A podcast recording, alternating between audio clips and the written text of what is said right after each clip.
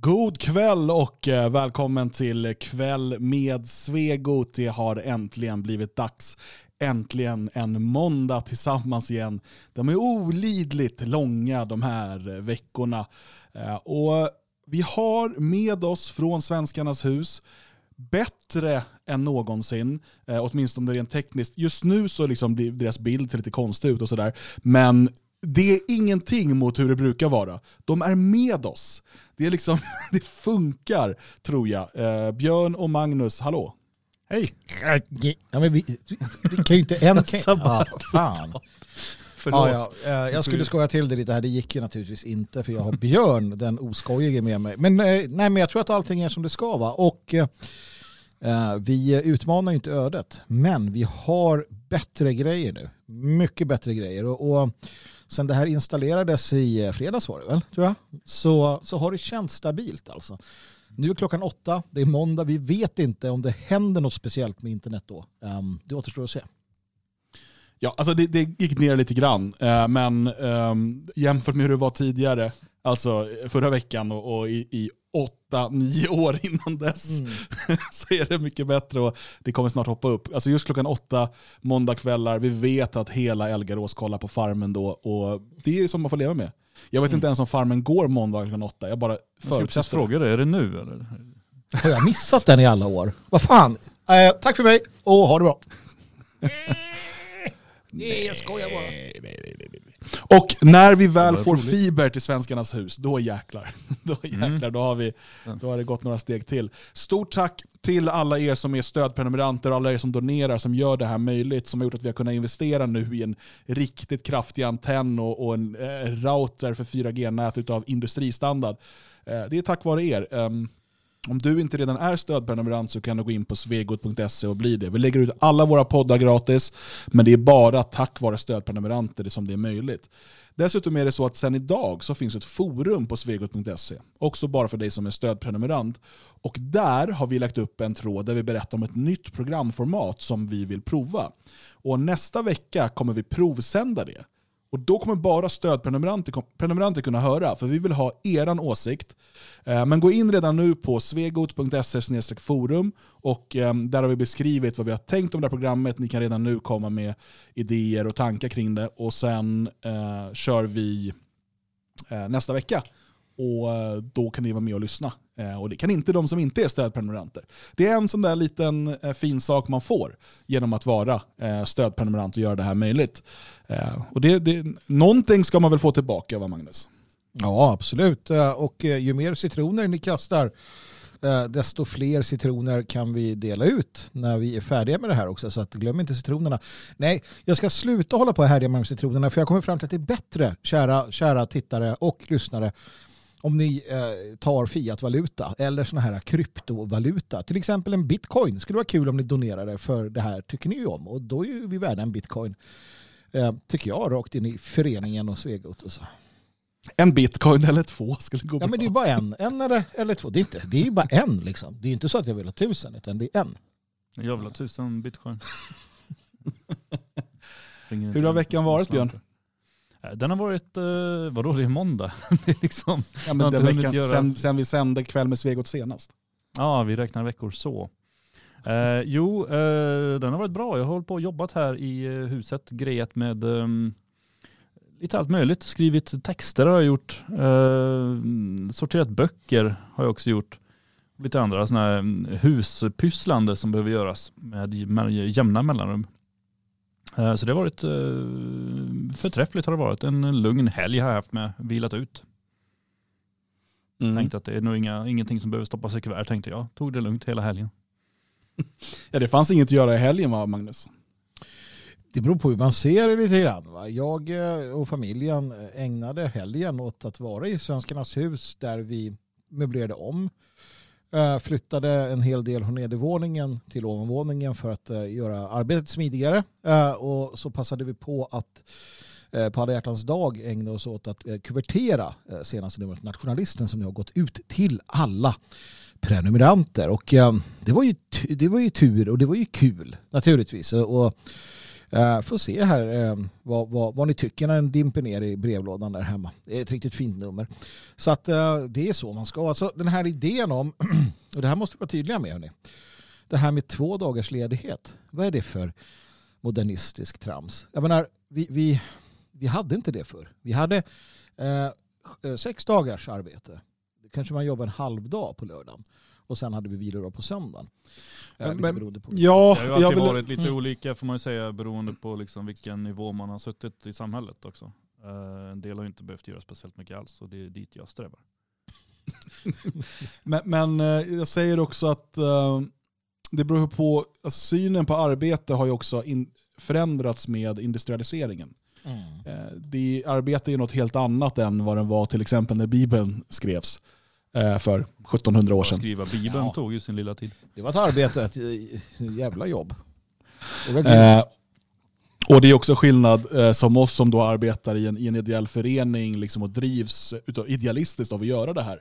Eh, då vill man ju, alltså att vara ledig är ju ett nödvändigt ont för att kunna få energi och fortsätta jobba. Eh, för att man behöver det ibland helt enkelt. Um, men går du liksom och säljer din arbetskraft till något arbete du inte tycker är speciellt kul, mm, då är det något helt annat. Då kan man nog behöva minst två dagar ledigt.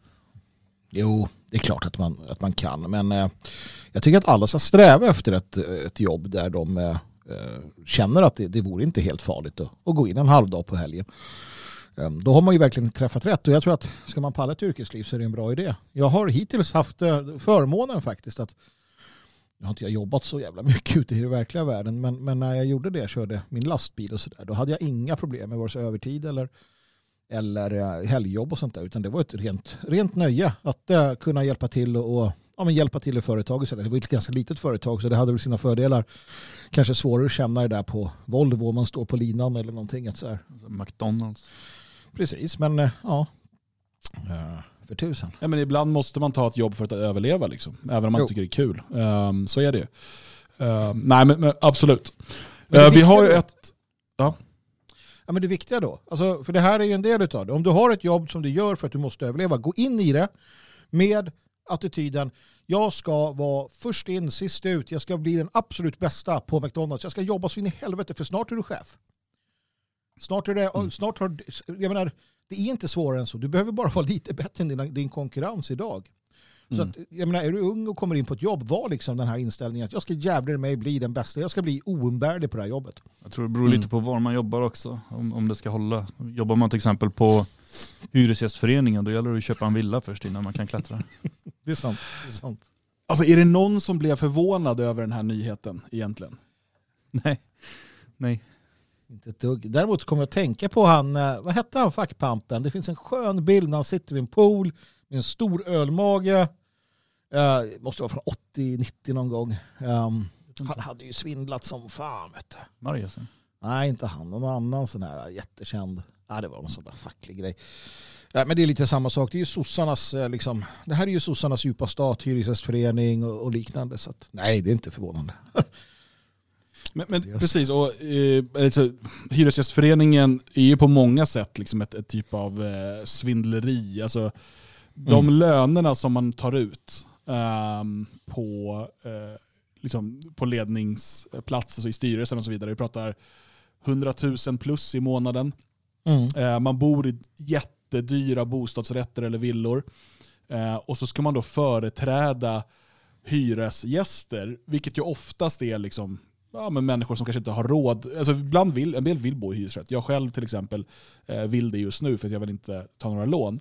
Men mm. eh, för väldigt många handlar det också om att man inte har något val. Eh, mm. För att man kanske har skulder eller någonting, eller man har inte tillräckligt hög lön eller massa sånt. Och Frågan är hur ska de här människorna kunna företräda hyresgäster när de inte ens själva är hyresgäster? Det är ju lite som, det är lite som att liksom, jag vet inte, eh, judiska församlingen skulle ledas av icke-jud. Jag ville säga några namn men jag skulle hoppa det tänkte jag att det skulle bara bli konstigt. Men ni förstår vad jag menar. Det är liksom, man, kan inte, man kan inte företräda hyresgäster om man inte är en hyresgäst. Hallå, tolkningsföreträde tack. Precis. Ja, nej, det är lite lustigt. Hur har din helg varit då? Eller vecka? Din vecka? Hur har din vecka varit? Mm. Fin. Uh, jag måste säga, vi gjorde ju Fredagstinget där i fredags och eh, jag tror inget program vi har gjort på flera år har blivit så hyllat. Uh, jag, jag varit lite förvånad. Alltså jag tyckte själv att det var ett bra program, absolut. Men eh, nej, vi har fått väldigt, väldigt, väldigt fina eh, kommentarer och det syns ju i nedladdningarna också. Det har spridit sig väldigt mycket. Um, och för er som inte vet, då, Fredagstinget är ett program som vi gör på fredagar som är lite mer koncentrerat. Vi tar tre ämnen, 20 minuter till varje ämne. Ja, det går att lyssna på gratis på, på svegot.se. Och, ehm, så det, det, var kul. Sen i helgen har jag också försökt ta det lugnt. Jag jobbade eh, en del igår som behövdes göras, men annars har det varit mycket ut och åka pulka och sådär. Eh, vi har ju fortfarande väldigt mycket snö och kallt även här nere, men det ska bli plusgrader nu framåt mitten av den här veckan. Så jag räknar lite med att det här kanske var sista möjligheten till ordentlig liksom, pulkaåkning och så med barnen. Så det var lika bra att mm. passa på. Skönt. Men vad pratade vi om i fredagstinget? Jag bara glömde bort det. Han är, som gjorde det så himla bra. Uh, Björn hade ju det här festivaltipset, uh, World Just Pride det. i Malmö. Just det. Han, han gillar ju det. Han, han, berättade lite om sina upplevelser på, på Gay Pride. Ja, det stämmer ju. ja. Ja. Eh, vad pratade du om Magnus? Jag har ingen minne av det. Den skriptade verkligheten pratade du om. Ja, fantastiskt bra tema och riktigt bra. Jag uppmanar dig som lyssnar och tittar just nu att eh, efter det här gå in och, och kika på Fredagstinget. Eller lyssna på Fredagstinget. Absolut. Mm. Ja, men Dan sa också något bra. Lyssna på det. De ville äta gamla, höll på att säga, men rika för det. Det var ett jävla tjatande om det. Vi ska äta de rika. Ja. Vi får prata om det där Dan, din glupska aptit. det är så här, fyra månader lockdown börjar sätta sina spår. eh, på tal om det, det är rätt intressant att se eh, psykologin hos människor och hos en själv. För att nu gick man ju då ut med att eh, lockdownen blir förlängd till 7 mars. Men, och så var det så här, så här gjorde stor grej av det, det så här, byggde upp förväntningar att ja, men, den första mars, då kommer vi öppna frisörerna igen. Och du vet, och det, var så här, det var som att man hörde jublet från balkongerna. Så här. Folk du vet, så här, tack fru Merkel. Uh, och nu här i Thüringen där jag bor så ska de öppna skolorna igen från och med nästa vecka. Och jag märker på när jag pratar med folk att de är så här, ah, det är så bra att de gör det här nu, att de, och det är så, att de äntligen öppnar. Alltså mm. som att vi ska vara, du vet, som att man, man tar ifrån oss allting, mm. ger tillbaka lite brödsmulor. Och så blir man jättetacksam. Det är, någon typ av, är det någon typ av Stockholmssyndrom eller jag vet inte vad det är. Ja men det är lite, lite sådär äh, sjukt äh, måste jag säga. Uh, och jag menar, skulle du göra så mot sig, säg att en så här Säg att du kommer till mödravårdscentralen eller, något, eller vad det nu heter och så, så berättar du så här, men så här gör jag med mina barn. Jag liksom stänger in dem och, och ja, men, så här, så, och sen så, så, börjar jag släppa på det där så att de får så här. Och sen stänger jag in dem igen. Och, fan, du torskar ju på det vet du. Um, en polare mm. berättade det. Ja. Jo, nej, man ska ju inte berätta att man gör så. Nej. nej, nej det, det, det är dagens tips här från Kväll med Svegot. Ja, du, jag skrev om det här. Jag måste säga det nu. Jag skrev om corona. Fan, jag skulle vilja inta två, alltså två motsatta positioner samtidigt i en tweet och skicka ut och se hur folk bara dör. Jävlar vad arg de blir. Jag noterade bara, för att det, det stod så här att ja, men de, hade, de hade vaccinerat 100 pers och alla blev sjuka. Så bara vi ställer in det så här. Det blir inget mer nu på att ta in något, någonstans här. Då skrev jag det, där fasligt många, eh, nej AstraZeneca eller Pfizer eller sa det, hjälp det här var inte bra, det hade vi inte räknat med. Ehm, jag kommer ihåg att de i början av förra året sa att det kommer ta flera år till ett vaccin. Och sen så efter halvår så bara, nu är vi snart klara med ett vaccin. Man bara wow.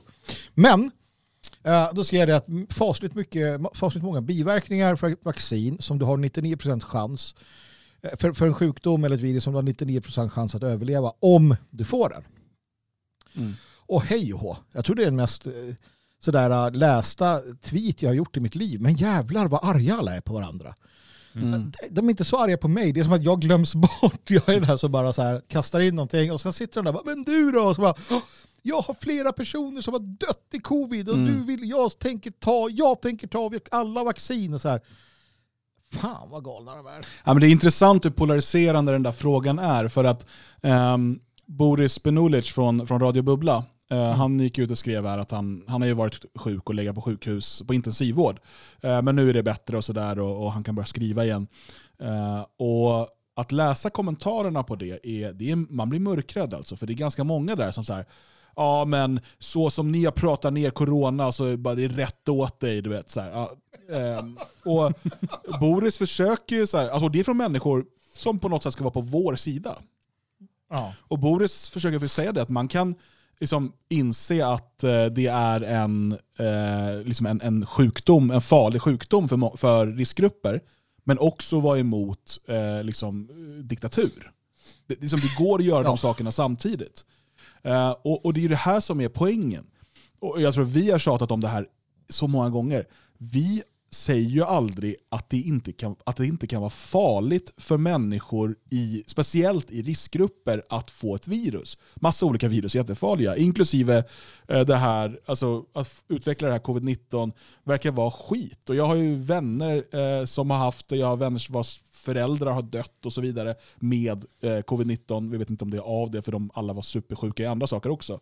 Men det ena utesluter inte det andra. Och den stora skillnaden det är att de människor som är för liksom, lockdown och det här, de är för att begränsa min frihet. De är för att liksom, ta ifrån mig, förstöra teoretiskt då, mitt företag. Jag personligen är inte drabbad, men jag får nu symbolisera liksom, eh, alla människor på det sättet. Att människor som driver restauranger eller vad det är. Att förstöra deras eh, företag och liksom se till att deras eh, familj inte kan betala sin hyra eller sina lån eller vad det nu än är.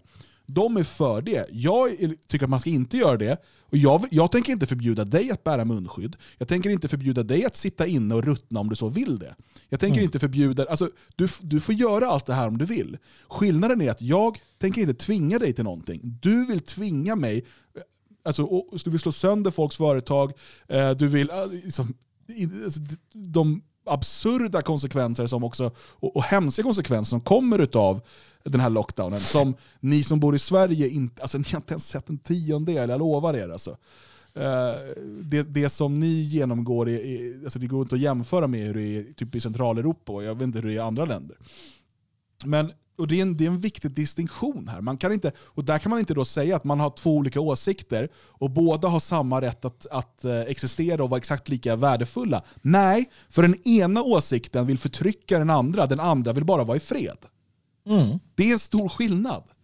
Vet, det känns lite som det här med mångkultur och massinvandring och sådär. Att, att, eh, det är sällan de som vill ha ett lider av det. Mm. Medan de som inte vill ha det är de som ska utsättas för det. Det är taskigt. Skäms på er. ja, alltså jag, jag önskar ingen, eller jo, jag önskar väldigt få bra människor detta. Eh, men det, det, eh, jag ska inte säga att jag inte önskar någon det, det vore, det vore hyckleri utav mig. Men, eh, men, men Ja, men vadå, ska man önska någon, någon någonting illa så finns det väl eh, roligare saker än covid liksom. Ja. Man önskar att du fick covid. Ja. Åh oh, nej, åh oh, nej. Ja tack, du har 99% chans att överleva. Ja, men du gör inte det. Det är ju schysstare att hota med giljotin. Nej, vad fan, jag skulle uh, kunna tänka mig annat elände. Jag har en del på lager. Ja. Vi har en eh, härlig måndagskväll här framför oss. Vi har en hel del intressanta ämnen att prata om. Som vanligt, vi gör de här kvällarna tillsammans med er som är med och tittar live. Eh, det är fullt drag i chatten eh, på D-Live, på Svegot på Svegos Telegram och så vidare.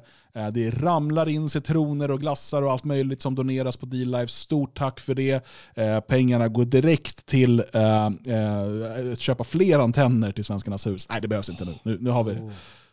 Mer antenner. Det ska ja, antennmannen, har ni sett den här kaminmannen? Och de här? Jag vill vara antennmannen. Jag vill ha en 5G-mast, så hyra ut den till, till typ eh, Huawei. Nej. Bara Huawei ska få använda den. Fan vad schysst. Ja. Över Elgarås. Ett paraply av 5G, Huawei 5G. Fan vad alla får corona då. um, ehm, yeah. Bra, men jag tänker att vi, vi hoppar in lite på de ämnen vi ska prata om, eller? Gud vad ni ser, vad, vad fnissar ni om? Nej, vi... vi folk, blir så jävla, ja, men folk blir så jävla arga. Nu när jag säger att jag vill ha 5G-mast med Huawei, då vet jag att det sitter folk och kokar. Uh, att de vill se mig döda i corona. Om jag liksom får corona och dör, då kommer de bara haha, där fick jag han. Och så ligger jag där med min Huawei-telefon och de bara just det. kul. Jävla roligt. jag brukar bråka med de här, eh, det finns några kineser som skriver på svenska, några kineser som bor i Sverige som har något Kina-information eller någonting. Eh, mm. Som skriver på Twitter. Jag brukar bråka med dem och ta, ställ, ta ställning för Kina. Alltså de är ju emot Kina. Då. Ja, jag, är, jag, är inte ens, jag är inte ens för Kina. Jag bara tycker att det är kul att bråka med dem och ta ställning för Kina när de, när de skriver något dumt om Kina. Kallar de så här, bara fucking landsförrädare liksom? Och så här, jävla as. Va? Ni ska vara lojala mot Peking. Ja, men ofta är det ju ändå så att det är lättare att vara för massa konstiga diktaturer än, än, än för deras medborgare som har kommit hit. Ja, ja. Jag, har hört att, jag har hört att eh, armén börjar få ordning i, i Burma nu i alla fall. Äntligen. Fan vad de har hållit på där. Det stod det nu, slår ner alla tecken på uppror. Go Burma. Men alltså, ja. har du inte det här med militärjuntor förresten? Det var något mm. på 60-70-talet, vi hade Grekland och sådär. Det är typ av Burma som fortsätter det är ganska så här, om vartannat. Va? Aung San Suu och sen militärjunta och så håller de på sådär. Jag tycker militärjunta det är, är, det är ju ett jäkla instabilt land. Liksom. Det, är ett mångetniskt, mångkulturellt land eh, som eh, liksom inte har någon demokratisk historia. Och vi vet, det är också den här idén om att den västerländska demokratin ska, liksom, eh, som man då tycker passar bra för oss, vilket jag kanske inte helt håller med om längre, mm. men eh, den passar ju ännu sämre för, för andra folk. Och speciellt i liksom länder som har de här etniska stridigheterna sedan tidigare. I Västeuropa har vi importerat dem de senaste 50 åren för att det verkar så kul. men men eh, som i då Myanmar eller Burma, eh, där man då har flera etniska grupper och inklusive en, en liksom ganska aggressiv och högljudd muslimsk minoritet. Mm. Eh, så, som gör att demokratin är väldigt svår att liksom hålla uppe. Det är, och det är samma sak när man försöker då trycka in det här i Irak, eller Afghanistan eller i Syrien nu det, det, det, det passar sig inte. Utan de här länderna behöver fungera på andra sätt. Jag tänker att det skulle vara schysst med en, en militärjunt i Sverige ändå. Tänk dig Bydén som chef. Mikael ÖB. Mm. Gay Pride-Micke. Glider runt där. Nu har vi en militärjunta så är det någon sån här attackflata. Så De bara, nej det är syjunta du tänker på. Take it away Dan, take it away. Nu kör vi! Nu kör vi. Det här är Kväll med Svegot. Eh, jag tänker att vi ska börja lite i moll. Eh, men det är nödvändigt en, en dag som denna. Sluta fnissa nu Magnus. Du får fnissa sen på när du ska ha dina fantastiska fakta. Jag är bara så jävla glad för att internet funkar. Jag har inte ont i magen, ingen, alltså allt det här som har varit. Man har mått dåligt varenda sändning i år sen vi kom hit. Ja. Jag är så glad över det här. Ja, ja det är härligt. Ja, Men eh, jag, jag, tänker ändå att vi, vi måste eh, tala lite om eh, Dresden eftersom att det är nu eh, helgen som har varit och även in till idag då är årsdagen av terrorbombningarna av Dresden. Denna germanernas pärla, kulturhuvudstaden längs med floden Elbe som total eh, förintades. 90% av byggnaderna var totalt förstörda. Och eh, massor av människor dog. Vi ska kanske komma in på de här siffrorna lite senare. Det är svårt att veta exakt såklart. Eh, men det var alltså en stad utan egentliga militära mål där många flyktingar bodde. Tyska flyktingar som hade fördrivits ur de gamla tyska områdena öster om nuvarande tyska gränsen. Eh, som då hade, Röda armén hade liksom, skjutsat framför sig så att säga. De hade då flytt undan eh, till Dresden och eh, eh, kunnat då bo i flyktingläger. Eh, och då väljer man att eh, medvetet helt eh, bomba sönder den här staden med eh, en stor mängd petroleumbomber som är då eh, designade just för att döda så mycket som möjligt. Ehm, det finns Eh, de, de få ögonvittnesberättelser som finns pratar om hur Elbe, alltså floden som flyt, flyter genom Dresden, hur den börjar koka eh, av hur eh, asfalten smälter och folk fastnar i den. Eh, och Det är alltså som sagt, eh, kom ihåg det här nu, det är en stad som inte bara är då fylld med flyktingar, kvinnor och barn. Det är också en stad som eh, på många sätt är liksom kulturhuvudstaden i Tyskland där ovärdeliga konstskatter finns, arkitektur, ehm, och Den här staden väljer man att totalt förinta den 13 till 15 februari 1900. 45. Mm, jag, har ni någonting ni vill säga om själva, själva dådet eh, innan vi liksom pratar om lite mer aktuella saker kring detta? Ja, jag har en del att lägga till där. Eh, förutom de fakta du säger så var det ju så att det här var ett led i en kampanj. Eh, Bomber Harris som han kallades för, har hans namn i minnet, plus några andra lorder i Storbritannien lanserade ju hela idén om terrorbombningar. Eh, och det var inte bara Dresden som drabbades, det var flera andra städer, Frankfurt och Berlin och så vidare. Eh, tanken var eh, medveten så som den presenterades för Churchill och underhuset och överhuset det var att slå mot de fattiga, slå mot de, de mest elände, alltså fattigkvarteren och arbetarna. Medvetet slå mot de tyska sådana i städerna och, och ja, flyktingläger och liknande Eh, för att man då eh, skulle få se ett uppror mot eh, Hitler och statsledningen. Det var själva grundtanken och det här är någonting som, som britterna då förfinade och som man då medvetet strävade efter ehm, Eh, britterna är särdeles ondskefulla människor. Eh, I alla fall tidigare kolonialtiden. Eh, titta på boerkriget och man spärrade in män och kvinnor, eller kvinnor och barn i koncentrationsläger lät dem svälta för att boerkommandona skulle ge upp. Det här är britternas sätt att vara. För de har alltid sett sig själva som bättre än precis alla andra. Jänkarna tog det ett steg längre när de sedermera då förfinade terrorbombningen med Hiroshima och Nagasaki. Um, så att uh, det, det, är en del av den liberala demokratins födelse. Man brukar säga, uh, jag brukar säga, att den liberala demokratin, alltså det som kommer efter 1945, det vi lever i, det föddes i eldstormarna i, i Dresden och i undergången av Hiroshima och Nagasaki. Det är det, den anda vi lever i. Mm. Har du något där Björn som du vill lägga till? Nej, nej det har jag väl egentligen inte utan uh, ni har ju sammanfattat det hela bra. Mm. Det är ju en eh, dag som vi alla har väl deltagit på olika typer av minnesmanifestationer, eh, såväl i Dresden som i Sverige och, och på andra ställen också.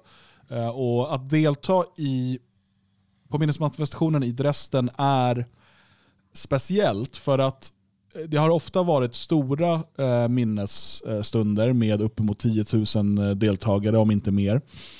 Och eh, alltså, Fackeltåget och så vidare ofta liksom, har varit väldigt värdigt genomfört.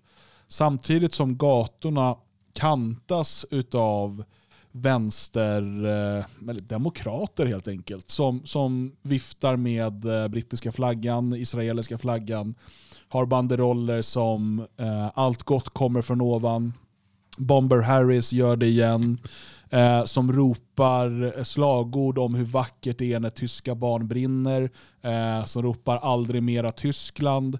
Eh, och, och eh, Ändå är det konstant, om man sen slår upp en tysk dagstidning dagen efter, då står det om liksom hur hotfull den här nazistmarschen var. Mm. Um, vi vet också att Open Society Foundation tillsammans med Sachsens delstatsparlament betalade människor för att gå och demonstrera mot restmanifestationen. Jag tror att det var 2015 eller 2016, jag minns inte, som det mm. avslöjades. Ehm, men det har säkert pågått under längre tid. Alltså man betalar studenter för att gå och ställa sig i de här demonstrationerna eh, och, och eh, kanske inte uttryckligen ber om att ropa de här slagorden, men man blir en del av den massan som gör det. Mm. Ehm, så alltså, det är det läget man är i i Tyskland. Och I år eh, kunde inga större manifestationer genomföras, eh, inte heller på plats i Dresden. Eh, men jag vet att nationalister samlades på olika sätt för att hålla, hålla minnet vid liv helt enkelt, trots rådande omständigheter. Mm. Jag tror att, eh, jag vet inte om den finns med i eh, hennes bok När flaggstängerna blommade, men jag vet att när jag pratade med Vera Oredsson um, så berättade hon, för att hon levde ju på den här tiden förstås, och då berättade hon nämligen hur hon var i Berlin, i, um, på, på, i Svenska kyrkan i Berlin i väntan på att få komma till Sverige. Uh, och de vaknar på morgonen jag minns inte vilken av dessa datum det är, men hon berättade, och berättade med, med en fas hur hon, hur hon vaknar på morgonen. Hon är ju en liten flicka då. Eh, och hela huset bara liksom darrar. Och, ja.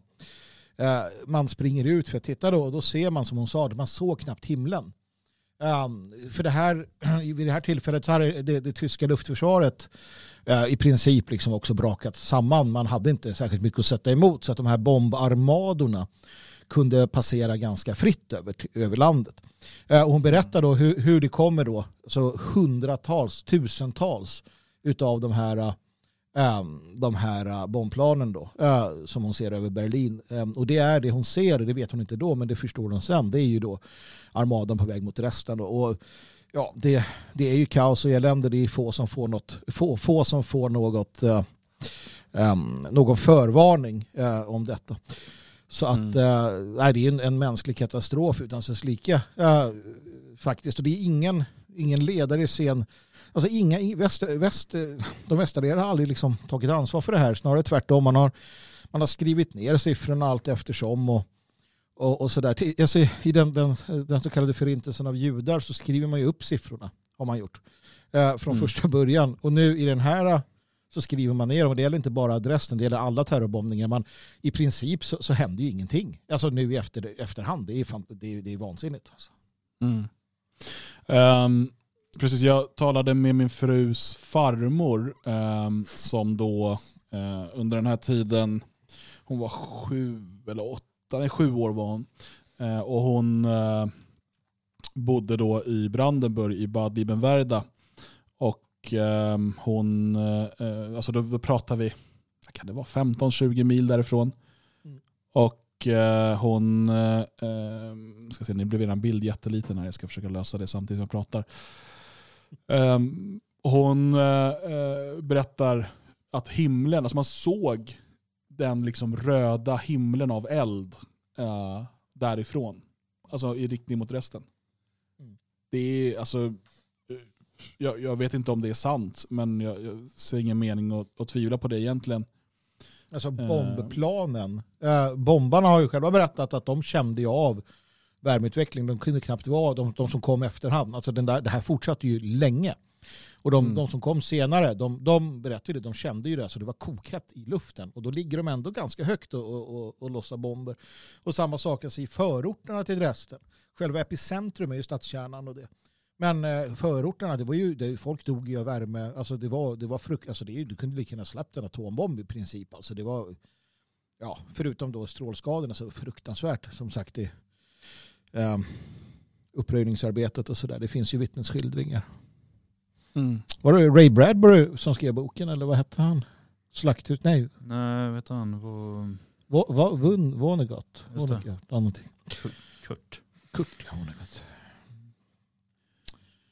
Eva-Marie skriver här i chatten, i Malmö hörde man när det bombades i Tyskland har mina mor och farföräldrar berättat. Mm. Jag tänker mig. Mm. Alltså man, man, förstår inte den massiva, alltså To, alltså, så ja, sen är ju det, alltså, dessutom är ju saken så här att man pratar ju om att ja, krig är krig och sådär. det fanns ju inga krigslagar innan, det tillkom ju efter för att döma tyskarna. Mm. Eh, men det här var ju ändå någonting nytt. Dels för att tekniken var ju mycket råare än tidigare. Eh, men också för att det fanns ju ändå en form av krigsheder. Eh, man gav sig inte på flyktingar, man gav sig inte på barn. Mm. Men allt det där suddades ut av Storbritannien här och har ju, ja, som Magnus sa, det har ju fortsatt även efter dess och varit så i viss mån innan. Men det här var ju så pass mycket grövre, så pass mycket större, så pass mycket värre än vad man någonsin hade sett. Så, mm, ja, och att man gav sig på just uh, en sån här stad också som helt saknade liksom, militära intressen. Även om man försökt hitta på sen att ja, det fanns minsann en liten fabrik där någonstans som tillverkade kullager. Men det där är ju rena efterhandskonstruktioner. Ja men det är också det här, uh, det man ser i krigsslutet det, det, det, man ser är att de allierade ger sig på försörjningslinjer. Det vill säga man ska skära av mat eh, och så vidare. Och det här är också en sak. Jag menar, du har ju en massa eh, eh, eh krigsfångeläger. Du har koncentrationsläger eh, i Polen och, och, och, delar av Tyskland. Um, man, man, man ger sig medvetet på de här. Eh, så att det inte kommer fram ehm, eh, förnödenheter till koncentrationslägren eller till till, eh, till eh, krigsfångelägren. Och då tänker kanske någon där ute, men hur kan han prata så där om koncentrationsläger? Alltså till och med den sentida forskningen gör skillnad på vad de kallar för förintelseläger. Det är tre, fyra stycken. Alla ligger bakom den före detta äh, äh, Sovjet. Sovjetmuren. Det finns inte ett enda utrotningsläger i det som var väst, västsidan efter kriget. Bara det är värt att komma ihåg. Men det vi ska komma ihåg framförallt är att koncentrationslägren jag hävdar att alla var koncentrationsläger, inte, inte utrotningsläger, men det är min åsikt. Uh, där hade man fångar, krigsfångar och, och, och, inhemska sabotörer, man hade partisaner, man hade illojala element, precis som alla länder hade. Uh, och där bombade de allierade sönder, så de här fruktansvärda bilderna från de här lägren som vi har kunnat se, det är ju på grund av tyfus, det kommer inte, det kommer inte fram sjukvårdsmaterial, det kommer inte fram mat, människor svalt, människor dog. Mm. Um, och det är på grund av de allierade inte ens sovjeternas fel, de allierade. Värt att komma ihåg. Mm. Uh, det stämmer. Och uh, Jag tänkte bara att vi ska lyssna då på Joe Biden. Uh, enda gången jag har hört honom nämna bomberna i Dresden. Och då låter det alltså så här. Maybe you were with me, I can't recall, when we were told that you know, Goebbels and the great lie, you keep repeating the lie, repeating the lie. Well, there was a print that when Dresden was bombed, firebombed. There were 250 people that were killed, or was it 2,500 people were killed? And Goebbels said, no, 25,000 or 250,000 were killed. And our papers printed that. Our papers printed it. It's the big lie. Maybe you were with me, I can't recall. Så det är, ja, det är ju ett... Eh, Att han börjar med I can't recall, det är inte så över, överraskande för det är väl lite så han arbetar. Mm, uh, men uh, han börjar med 250, jag ska säga, det var 2500. Är det, när han bara börjar med så, är det, är det för att han uh, vill liksom förnedra, alltså så här, att det är skit, jävla tyskar, vem bryr sig? Eller är det bara för att han är snurrig? Vad tror ni? Vi bara börja där snurrig tror jag. Att han, han, han vet inte vad han pratar om, återigen siffror och allting. Och, så sen bryr han sig inte särskilt mycket. Hade det varit hans sons, eh, han, hans söner har ju dött olika, hade det varit dem han pratade om då hade han säkert vinnlagt som att försöka komma ihåg. Så han bryr sig ju inte heller, det, det är jag rätt säker på. Men, men det är nog mest snurrighet tror jag. Ja, jag tror också på snurrigheten där. Han eh, ser, så läser väl siffror framför sig och får inte ihop antalet nollor. Liksom. Mm. Um, men här då så försöker han ju verkligen då förminska det hela och, och eh, liksom pratar om för vi vet inte exakt hur många som dog i Dresden. Eh, och det finns olika uppskattningar. Allt ifrån, jag tror att den officiella siffran i Tyskland är 25 000. Eh, mm. den som då, och då försöker man verkligen spela ner det. Medan det finns oberoende liksom, forskare som har varit allt ifrån 50 till 500 000. Eh, och det finns ju någon typ av acceptans för att 250 000 är en rimlig uppskattning. Mm. Um, men uh, han börjar prata om 250 och uh, sen, 200, eller sen 2500 och hänvisar då till att det här att folk tror att det är någonting annat, det är då Goebbels taktik om den stora lögnen. Mm. Här, här blir det ju jobbigt. Uh, det här är saken är den att, att det, det, någonting som är irriterande det är när man, när man liksom så självsäkert säger någonting utan att veta vad man pratar om. Ett annat exempel på detta är Aron Flam. Vi kan ta det efteråt. Vi kan ta det här mm. först. Mm. Uh, för att det, det, han hänvisar till, det är många som har gjort det och jag, jag hörde det i skolan och sådär och det är allmänt liksom känt numera att den här stora lögnen det är någonting som, som nazisterna uh, använde sig av. Det var något som Goebbels hittade på tillsammans med Hitler och att uh, man skulle ljuga så extremt mycket Eh, att, eh, att eh, folk då inte förstod att du ljög. Problematiken i det hela det är att i Hitlers självbiografi, då, Min kamp, så, så, skriver han mycket riktigt om den stora lögnen. Och du kan gå in på valfri jävla Wikipedia Eh, till och med, där man återger detta i sin rätta kontext. Det Hitler skriver och det som säkert då Goebbels har vidareförmedlat i tal och liknande, det är att den stora lögnen är fienden. I det här fallet så tror jag Hitler eh, åsyftar världsjudendomen som han ser som en, en fiende till tyska folket och germanerna. Och han menar att de då, eller den, det kotteriet kring detta, använder den stora lögnen. Det vill säga att de ljuger så extremt mycket att vanligt folk tänker att det här kan man för fan inte ljuga om. Um, Uh, och, och, och, det är det han skriver. Han säger aldrig att vi ska göra det. Han säger inte att det är bra att göra så. Han säger inte att NSDAPs program ska ligga i att alltid ljuga. Nej, nej, nej. nej. Icke som icke. Han kritiserar dem ju för att använda uh, den här typen av lögner och Goebbels kritiserar också dem för att använda lögner. Uh, och det är det som är det. Alltså Joe Biden vet inte vad han pratar om. Kort sagt. Mm. Och det är få som vet det, för det är få som har läst boken. Och även de som har läst boken borde ibland veta bättre. Mm. Det är väl en klassisk eh, sån här mem, alltså en bild som skickas runt med eh, någon variant av det här citatet. Då. Mm. Och så försöker man då använda det, så här tänker nazisterna, att man ska ljuga jättemycket för då kommer folk tro på det. Mm, precis. och det är så, ja. ja det, det, är så historiskt felaktigt och dumt eh, mm. att det bara kan komma från god, god människan så att säga. Ja, och jag menar, vi säger att, vi säger att det var taktiken. Mm. Så här, bara, vi ska ljuga så stort som möjligt. Eh, för då kommer folk tro på oss. Men först skriver jag ner det i min bästsäljande mm. bok. Mm. Så att alla vet att det är planen. Mm. Det, det, är bara där är det så genomkorkat. Liksom. Varför skulle man göra det? Nej. Men kan vi snälla, kan vi snälla gå in på, på Aron Flam i sammanhanget? Eller den här Kent, kan vi inte börja med honom? Kent eh, Eklund på Twitter. Du får börja var du vill, jag, jag hänger med ja. bara. Ja, alltså Kent e alltså det, det, det, dyker ju upp folk. Jag vet inte vem den där Kent Eklund är, men han, han förs i alla fall som en äkta sån här antinazist, antirasist boomer-gubbe. Uh, för han, han berättar, för det är någon beef han har med Aron Flam. Nej, jag vet inte vart det här ursprungstwitten kommer ifrån. Han har svarat någonstans i alla fall, och då har han svarat så här, vilket är fantastiskt. Var i Hitlers partiprogram stod det att partiet skulle mörda sex miljoner oskyldiga judar och zigenare. Bara den här formuleringen är fantastisk. Han är sosse eller någonting. Liksom. Men den här formuleringen är fantastisk. Hitlers partiprogram, vi börjar där. Det var Hitlers partiprogram. Och, att så här, att, det, att det skulle, och, och, här håller jag ju med Kent Eklund för att han svarar i en kontext där någon hävdar att det var uppenbart och så vidare. Det var uppenbart att Hitler skulle göra så, för det har han sagt. Ehm, faktum är ju att eh, det stora problemet med Dürmerrättegången och judeutrotningen, eh, den så kallade, det var ju att det inte fanns några bevis eh, för, en, en, för att Hitler skulle ha, ha gett order om det eller varit liksom överens med själva grundtanken. Det enda man har kunnat hävda sig hitta det är ju Wannsee-konferensen som är lite sådär obskyr måste jag säga. Så att det, det, jag börjar med det. Är det någon som har något att säga om det innan vi går vidare?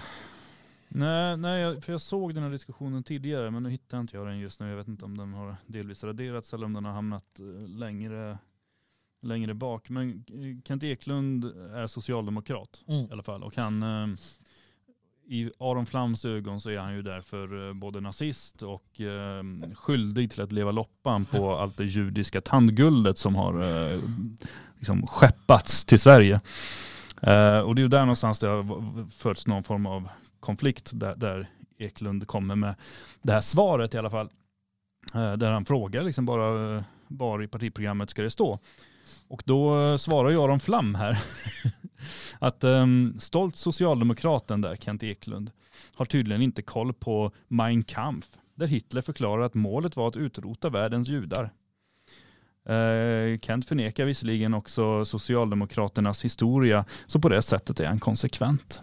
Eh, flam brukar ju kalla alla för din lille kollektivist, så jag får väl säga din lille jude. Hörru din lille jude, har du inte koll på Mein Kampf? Det, det, är bara det man måste svara. Jag skiter i om du är nazist eller inte. Alltså inte Aron Flam, det är kul om han vore det. Men jag skiter i om folk är nazist eller inte. Men kom inte och kasta ur er skit som ni inte vet någonting om det är ett hån mot alla som orkat läsa boken.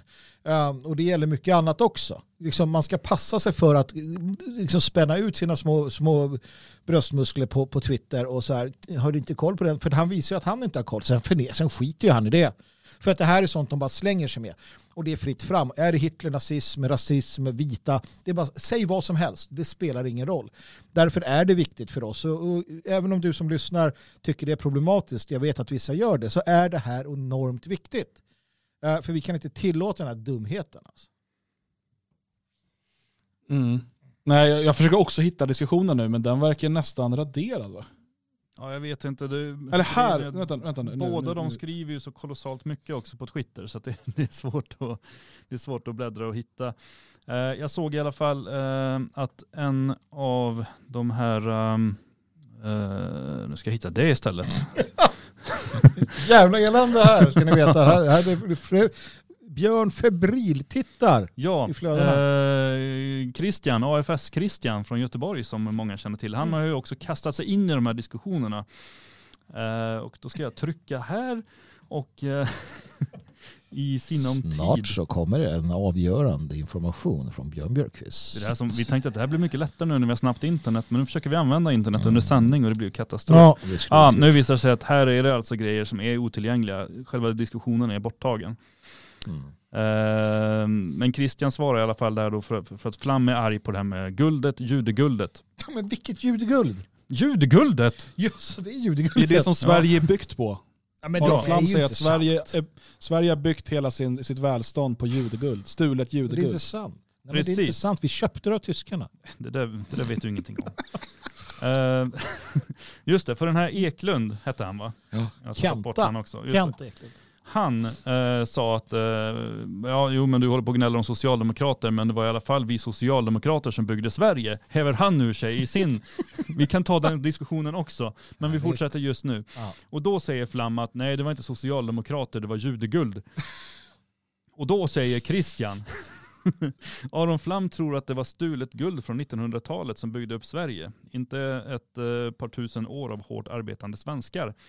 Eh, och sen så svarar han någonting mer där om att, uh, och det verkar inte finnas kvar, men han, han skriver någonting om att uh, ja, det var inte ditt judeguld. Och då blir Flam arg och säger, vadå mitt? Bara, eh, jag är inte kollektivist så jag betraktar inte guldet som mitt. För att inte vara kollektivist så är han ju oförskämt eh, intresserad av att bara prata om judiska öden hela tiden, ja. konstant. Jag satt och bläddrade här och tänkte, nu har jag hittat rätt. Nej, det var en annan judediskussion. Ja. Nu har jag hittat rätt. Nej, det var ytterligare en judediskussion. Han tjatar ju bara om sin judiskhet. Mm. Men, men han, han, är inte en del av den gruppen. Nej, för alla andra är din lilla kollektivist. Din mm. lilla kollektivist, inte jag. För jag är antisocialistisk hjälte. Men det är fan med bara judar och judar och mer judar i hans. Han har ju enormt mycket likheter med Karl Marx och det är ju inte bara de judiska blodet där utan det är ju även det här kollektivistiska tänket utan tvekan. Ja. Judekollektivet är ju väldigt, väldigt nära eh, Aron Flams hjärta. Mm. Har du hittat något spännande då på, på Twitter, Dan? Jag har inga åsikter i den här frågan för att jag, ser, jag befinner mig i Tyskland. Uh, nej men uh, det är, uh, Aron Flam är en väldigt speciell person för att han hävdar ju att han är, han är superindividualist och sådär och han är emot ja. kollektivism. Eh, men som sagt, en, en snabb koll på hans Twitter nu. Nu är det att eh, det enda han bryr sig om det är att nu är Sveriges Radio antisemiter. För de hade mage att säga judestaten Israel. Eller den judiska ja. staten Israel. Ja, men de säger inte det, det, det muslimska Iran. Ja, det är en ja, men det står väl i deras grundlag att ja. det är en judisk stat. Ja, den måste vara judisk. Men, men det alltså, finns ju något, alltså, det, det är ju så, det är ju en gammal sanning att du kan liksom du kan kalla en jude för vad som helst, men kalla honom inte jude, för då kommer han bli ja. arg. Ja. Jo, det är fan sant. Ja, men det, är, det är ganska roligt i det sammanhanget, för det är inte så att liksom, FN bara satt där och bara, nej men ska vi bilda ett nytt land? Så här, kan vi se vilka som flyttar dit. och judarna bara, hej! Första kvarn! Ja, sen kom de som individualister där, en efter den. Ja. Liksom, ah, bor du här också? Ah, shalom, shalom. Nej, det var inte så. Nej, och tar vi det då, ja, Aron, för, jag vet inte, han lyssnar kanske inte, men jag säger kanske för att det finns en chans i alla fall. Då kan vi bara titta på det faktum att det var hans kompisar, hans, alltså judarnas kompisar i SS eh, som hjälpte till att bygga kibbutzer. Eh, som tog judar i, i eh, samarbetade med judar i Tyskland och hade kibbutzer på tysk jord där man lärde dem om jordbruk och sånt, för det fattade de inte, innerstadsjudarna. Gick runt där med sina kaftaner eller vad de gjorde Ja, så då lärde man dem det, så skickar man ner dem till Israel. Det finns medaljer med hakkorset på ena sidan och sen så Davidsstjärnan på andra sidan, vänskapsmedaljer och så Olika vidare. sidor av samma mynt. Precis, olika sidor av samma mynt skulle en tredje säga då i sammanhanget. Åh, herregud va. Um, nej men och det var, det var så. Och jag menar den här eh, Endlösung der Judefragen eller någonting. Den, den boken den är ju skriven av en jude som diskuterar hur man ska hur, den slutliga lösningen ska ske på judefrågan. Det är ju judarna själva och han, den juden, jag kommer inte ihåg vad han heter, han säger ju Madagaskar. Det var inte nazisterna som sa Madagaskar, det var ju en jude.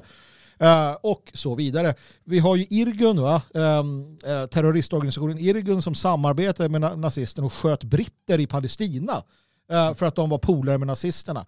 Eh, och så vidare och så vidare. Ska vi fortsätta liksom? Det är så jävla o... Den här flam är så jävla intellektuellt ohederlig och det är de allihopa för de vet inte ett skit om det här. Eh, till skillnad från mig, Björn och dig, Dan och flera andra va. Eh, så lägg av nu. Skärpning, annars blir det fan en... Ja. Men det är ju väldigt Bra. många, som, inklusive jag själv, då, som svarar och efterfrågar en, eh, eh, ja, men en källa då, eh, till, eh, till detta. Och det han presenterar, Då. Mm. ja, det, det, liksom, det, det tog ett tag, men han svarar inte mig, men han svarar någon annan här. Eh, det han presenterar här är då det här citatet. Och det är då från Fords översättning. Och så står det så här. Mm. The relentless world Jew fights for domination over the people. No nation can remove this fist clutching at its throat except by the sword. Only the united strength of a powerfully concentrated national passion can rebel against the international enslavement of the nations. However, such a process is and remains a bloody one. Mm. Där Ja, det, det, det, det krävs en hel del fantasi för att eh, tolka det som att var alla judar måste utrotas. Ja, alltså de 250 000 eh, tyska judarna som slogs i Wehrmacht.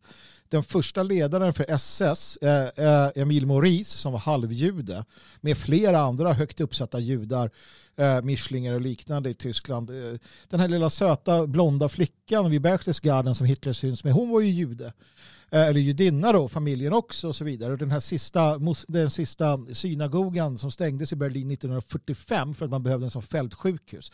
Alla de judarna skulle nu bara, hörru du Aron Flam din dumma jävel, vad snackar du för goja?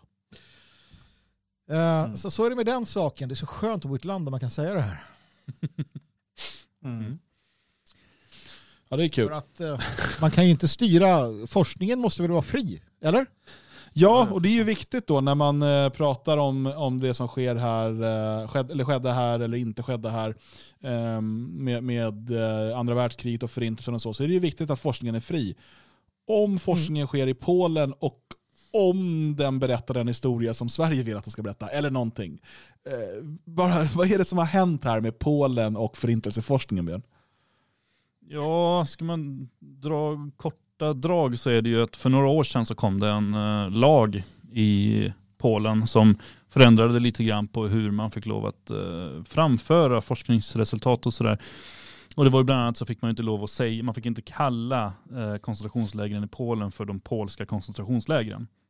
Därför att de tyckte det var fel och man skulle i så fall prata om de nazistiska eller de tyska. Eh, och sen så finns det ju även lagar där mot förtal. Eh, det tycker de är passande i Polen tydligen.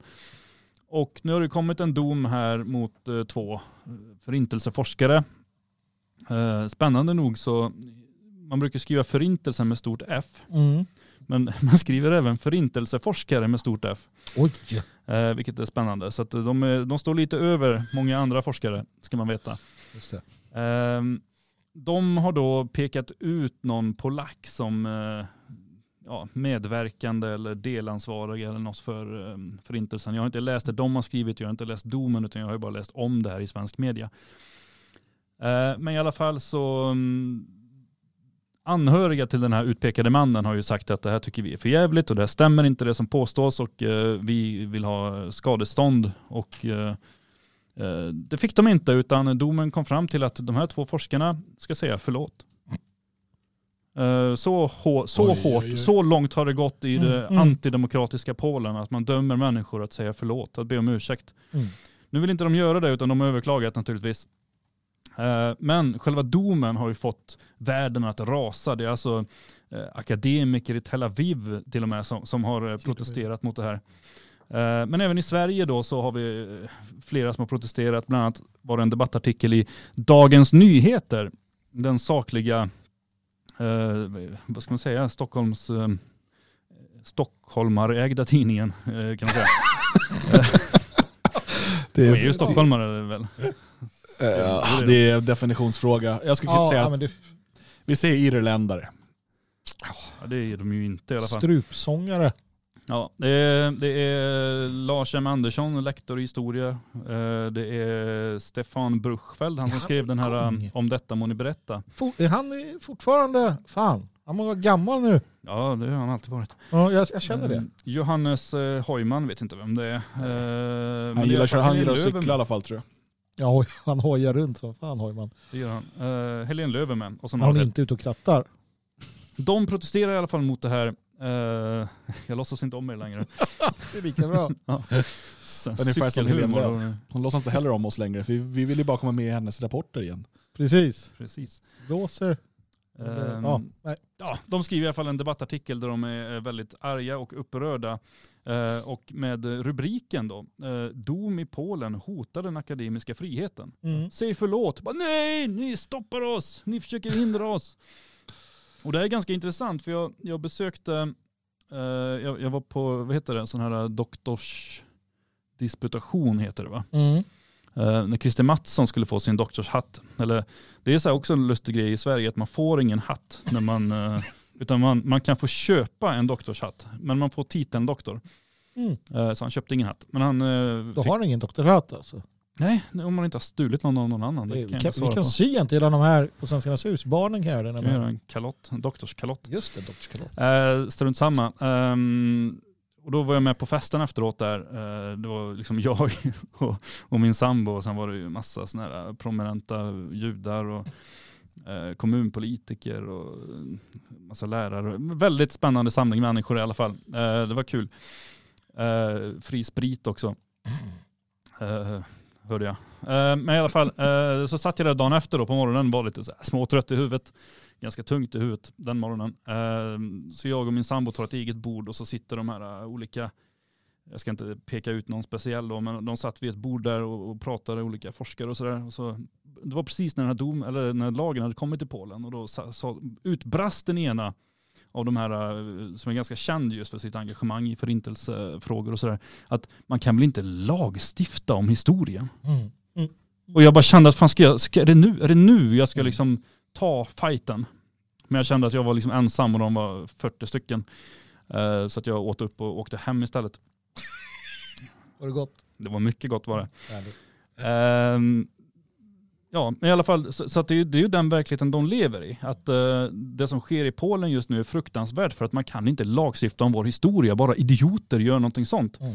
Och sen har vi liksom halva Europa som har förbjudit eh, alltså, forskning, kritisk forskning kring förintelsen. Att, att eh, antingen säga att förintelsen inte ägt rum alls, eller säga att det skedde inte med, med hjälp av gaskammare, eller eh, ifrågasätta antalet människor som ska ha dött. Alltså säga att ja, men 6 miljoner är överdrivet, jag kan köpa liksom 12. Mm.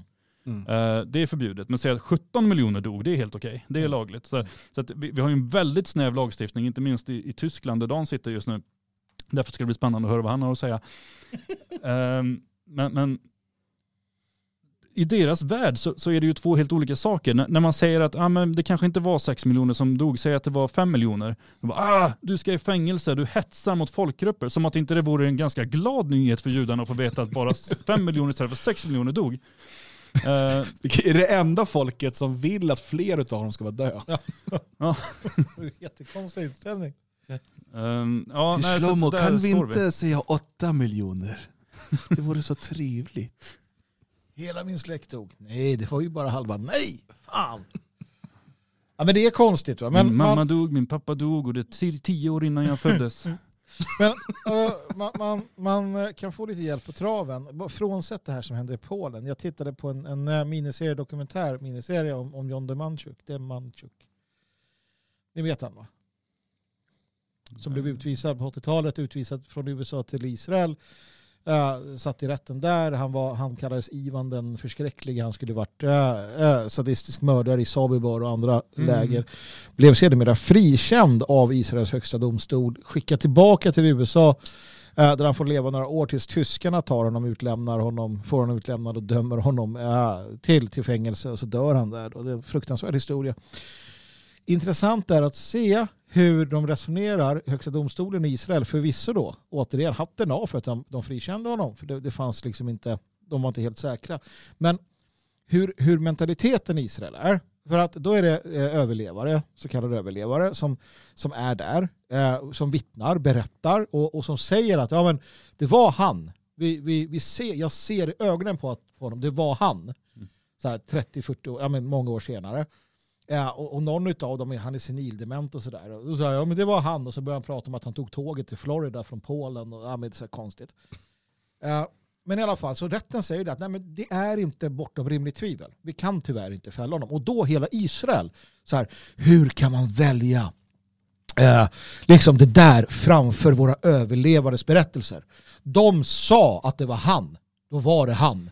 Det är, liksom, det är deras grundläggande rättsskipning då i, i folkkollektivet, inte i domstolen. Återigen, bra gjort av domstolen. Men, men annars så här, nej, men om en förintelseöverlevare säger någonting, då är det så. Mm.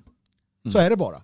Och, och, säger man emot så ska det vara olagligt. Det, det är mentaliteten och den är, den är sjuk, ärligt talat. Ja men den är ju stenhård. Det är ju det vi ser i Sverige nu också med, med äh, moderatledaren. Äh, vad fan heter han? Kristersson. Just det. Carl Bildt tänkte jag säga, men det var länge sedan. Ja, Kristersson, att han har skakat hand med den här gumman och, mm. och, och lovat något. Då. Så bara, bara, han lovade henne, liksom, bara, han står och ljuger för hela svenska folket dag efter dag efter dag. Mm. Men han tog henne i hand och lovade henne och inte samarbeta med Åkesson. Och mm. då är det mycket viktigare än lögnerna som kommer konstant mot alla. Eh, det är ju den synen någonstans som vi har på, på människor nu för tiden, att de är värda så mycket mer än alla oss andra. Dan Eriksson, mm. Jag pekar på mm. dig. Dan Eriksson, ja, det, det är jag. tycker du att lagen i Polen är bra? Uh, att man inte får förtala människor? Ja, det tycker ja, jag är en ganska bra Att du inte får förneka, att du inte får, att du inte får att de är in och tassar på det här och de här ska dömas och sådär. Jag tycker inte man ska förbjuda historieforskning. Men jag tycker att förtal ska vara förbjudet, ja. Uh, och det är det man har dömts för här. Oh, det är sant. Eh, Mikael eh, Winiarski, också Dagens Nyheter, han skriver att domstolsutslaget är tydligt riktat mot oberoende historieforskning om polackers roll i förintelsen. Det tycker jag är obehagligt. men, men det är också så här, det är så himla, och det, det, det slående här är ju hyckleriet, att det är så himla viktigt eh, när eh, liksom, forskningen kring förintelsen ska vara fri och bla bla bla.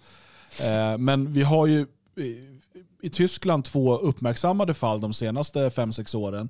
Men det, är många, alltså det döms ju folk eh, liksom, flera gånger per år för det här i, i Tyskland. Ja. Eh, men, men två uppmärksammade fall där människor som båda är liksom långt till åren komna mer eller mindre döms till livstidsfängelse.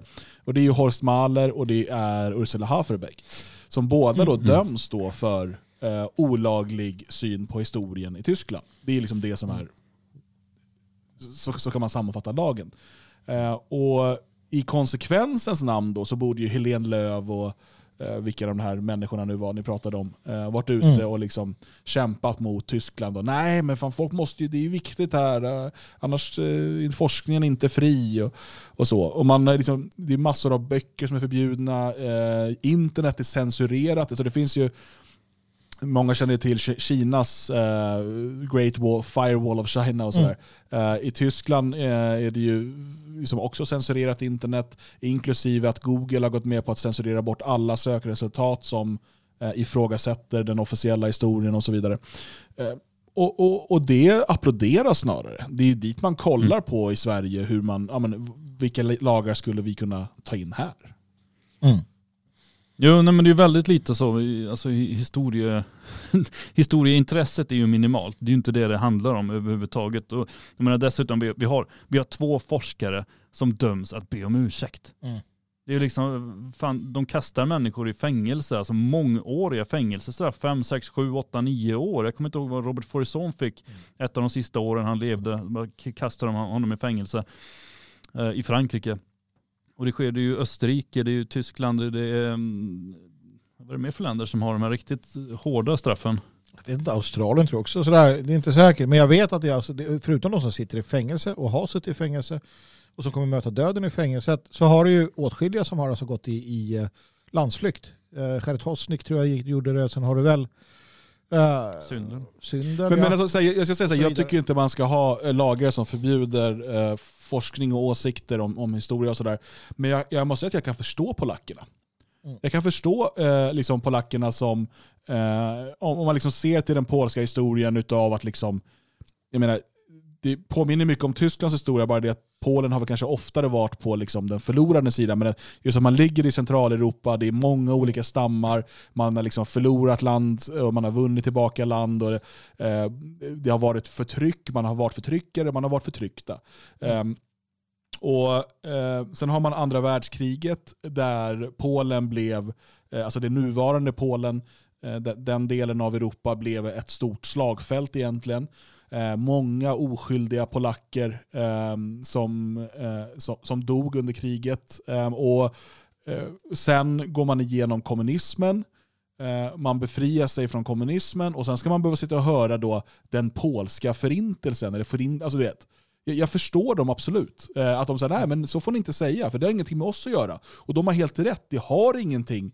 Alltså även om, om eh, Auschwitz ligger på nuvarande polsk mark, det har ingenting med dagens polacker att göra. De har, ingen nej. skuld i det. De ska inte, alltså, och precis samma sak gäller ju såklart tyskarna.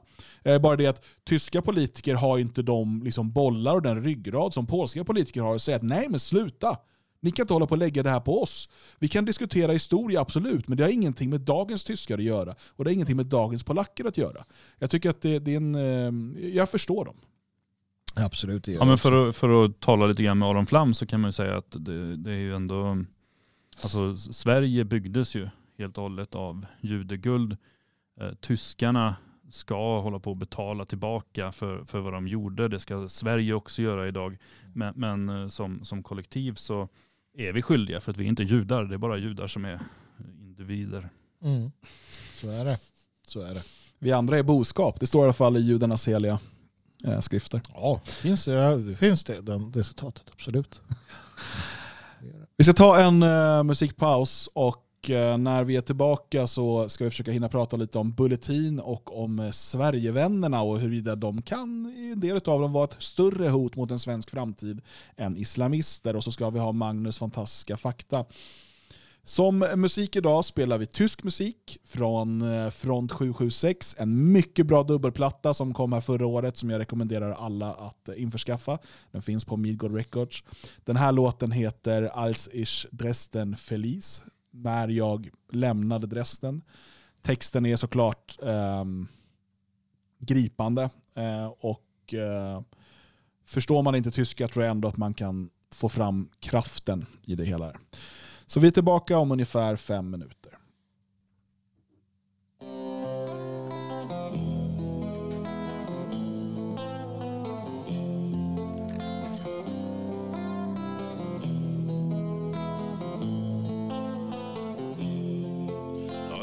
Dresden verließ, war mein Leben vergangen. Ich hatte alles verloren, was ihm Bedeutung gab. Meine Frau und die Enkel, sie starben zusammen, elendig in den Flammen, in Verzweiflung aneinander sich klammend, ohne Trost und ohne Grab.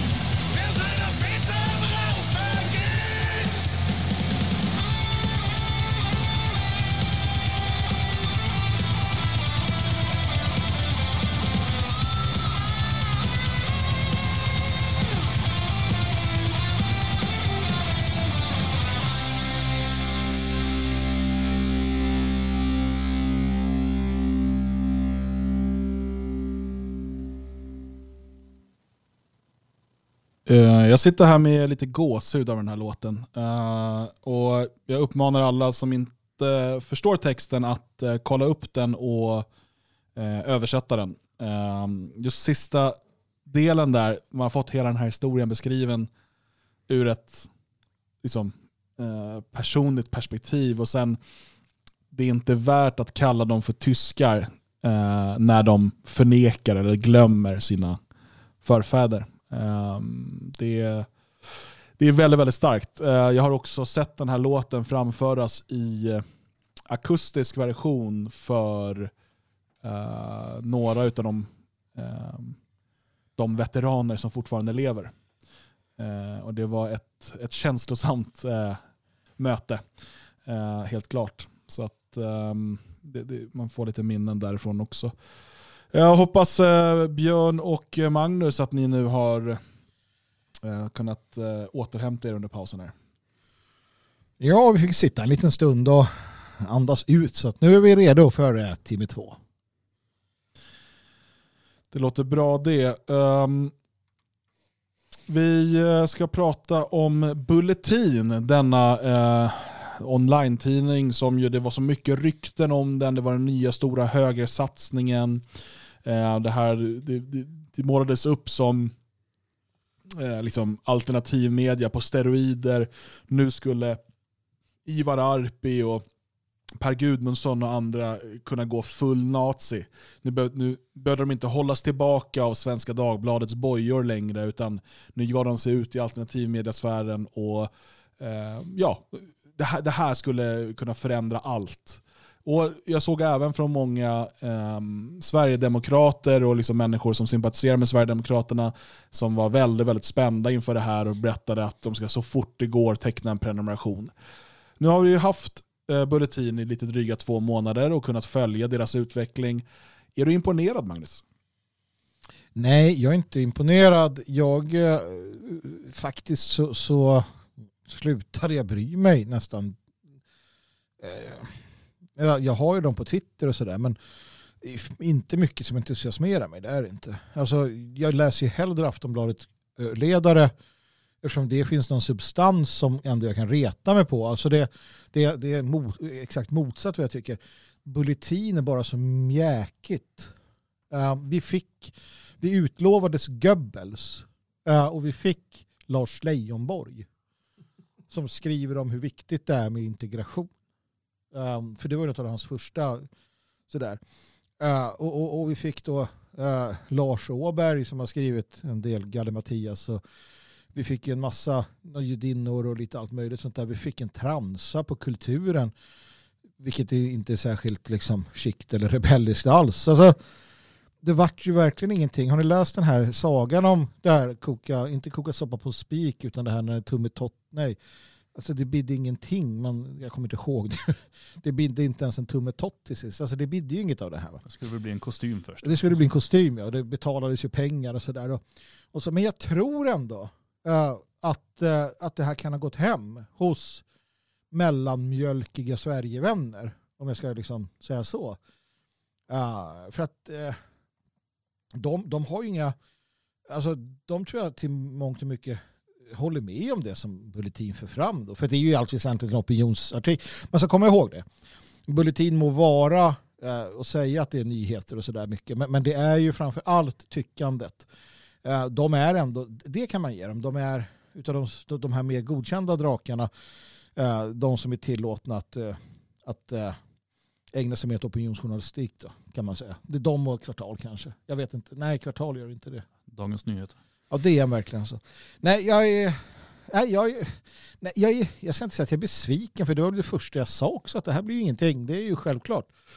Jag hoppades lite på dem. Ja, Jag- det gör man väl alltid. Jag hade väl några tankar där om att eh, nu, nu är de inte fasta längre och nu måste de, alltså lite grann som, som eh, statsmedieanställda brukar beskylla swish-horor för att eh, ja, men så kommer de bara börja skriva sånt som de vet ger mycket pengar. Mm. Och då tänker man att nu, nu drar de igång. Eh, jag gick in första dagen där och läste med ganska stor iver och tyckte att ganska många artiklar var helt okej. Mm. Eh, Det var inte någon som jag kände wow, men det var ändå ganska bra texter. Både tyckandet och eh, några intressanta nyheter hade de letat fram och sådär. Men det kändes som att nu jävlar, nu, nu fyrar de av hela artilleriet. Mm. Det var ju varje skribents favoritämne de tog. Och relativt ofta då kring invandring eller kriminalitet och sådana saker. Sen har jag i princip inte besökt. Jag gick in dagen efter och kände att nej det var inte mycket eh, nytt nu. Och efter några dagar så, eh, nej det var inget intressant längre. Mm. Eh, och nu, nu vet jag inte när jag var inne sist förutom att jag just nu då står med sidan framför mig. Men nej, man, man har nog, eh, eller i alla fall jag har tappat intresset helt för den. eh, Och jag tycker aldrig jag ser några länkar och så heller i mitt flöde så jag vet inte riktigt vilken målgrupp de har. För jag försöker ändå ha ett ganska brett flöde på, på Twitter framförallt. Och med folk har alla möjliga åsikter och så här. Det är inte ofta det dyker upp bulletinlänkar inbillar jag mig. Vad tycker du Dan om du har läst du? Alltså jag, jag, precis som Björn, jag läste allt första dagen. Sen läste jag Mm. det mesta de kommande dagarna, typ två, tre dagar till. Och så tappade jag intresset eh, och kände att det här... Problemet är att det var så himla mellanmjölk. Att det liksom... Eh, det provocerade mig inte riktigt och det gav mig ingenting. Utan det var verkligen... eh, Det var som att läsa... Precis som att, jag menar, samma sak med Svenska Dagbladet eller, eller Dagens Nyheter för den delen. Eh, eller eh, Fokus till och med. Alltså så här, ibland kommer det intressanta saker. Men för det Mm. mesta är bara eh, brus på något sätt. Alltså för mig är det ointressant. Och jag tänker att kommer man med en ny satsning, om man har så profilerade medarbetare, då måste det liksom sticka ut någonstans. För annars, vad är meningen med att publicera sig på Bulletin istället för att Arpi till exempel fortsätter skriva i Svenska Dagbladet? Är honoraret högre? Ja, kanske tjänar han bättre pengar, att det är så enkelt.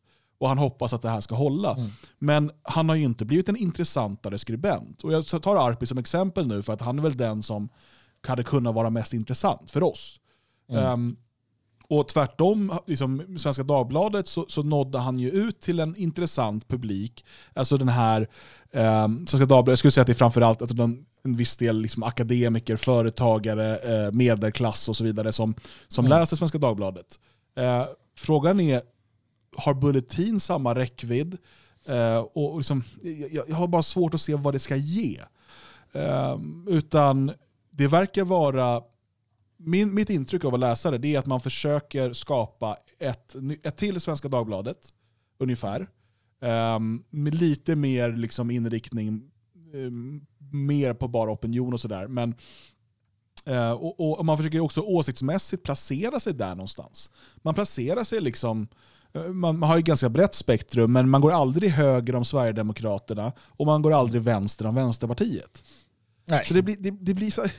Det blir så ointressant. Det är, man vill bara liksom, det är som att man bara vill hålla på och mjölka, eh, alltså bli en del av mediekot, eller fortsätta vara, men... Mm. i, Men frågan är, frågan är om det fungerar. Jag tror inte det kommer hålla. Jag tror inte de, jag tror inte de finns kvar om tre år. Eh, De biter sig säkert fast, de har säkert finansiering och så ett tag framåt, men jag tror inte att det håller i längden. Men vad, vad, varför lämnar Neuding till exempel nu och ger över till, till Arpi? Det, det kan man ju fråga sig. Och det gör Mm. jag. Men jag kommer inte få något svar på den frågan. Ja, däremot så ser jag ju eh, ja, men jag håller med där just i, i det. Det är lite intressant att både Teodorescu och Arpi och allihopa gav upp sina, sina tjänster. Liksom. Eh, Jag vet inte, Dahl, Dahlman också va? Eller skriver hon någon Mm. annanstans? Eh, Jag vet inte, Gudmundsson hoppade ju av. Han jobbade för Kristdemokraterna tror jag. Ja, ja. Men det är ju ändå, alltså Gudmundsson och Arpi var ju väldigt intressanta skribenter när de var på Svenska Dagbladet. Mm. För att då stack de ut i den miljön. Nu när de har en egen tidning, dels så tycker jag nog att de har haft mindre alltså uppseendeväckande artiklar Mm. sedan de lämnade eh, Svenska Dagbladet. Eh, och vad det beror på kan man ju bara fråga sig om det är att de eh, måste bevisa nu att de inte är så här hemska mm, Goebbelsfigurer som, Mm. som, som vänstern målar upp dem som, eller om de bara är trötta. Men jag tycker det märks, det har varit så här förintelsebabbel och Arpi har varit igång på Twitter med det där och, och det har liksom varit eh, en massa artiklar och sånt där som är egentligen helt meningslöst kan jag tycka i alla fall. Jag vet inte om det har varit mycket men jag reagerar ju.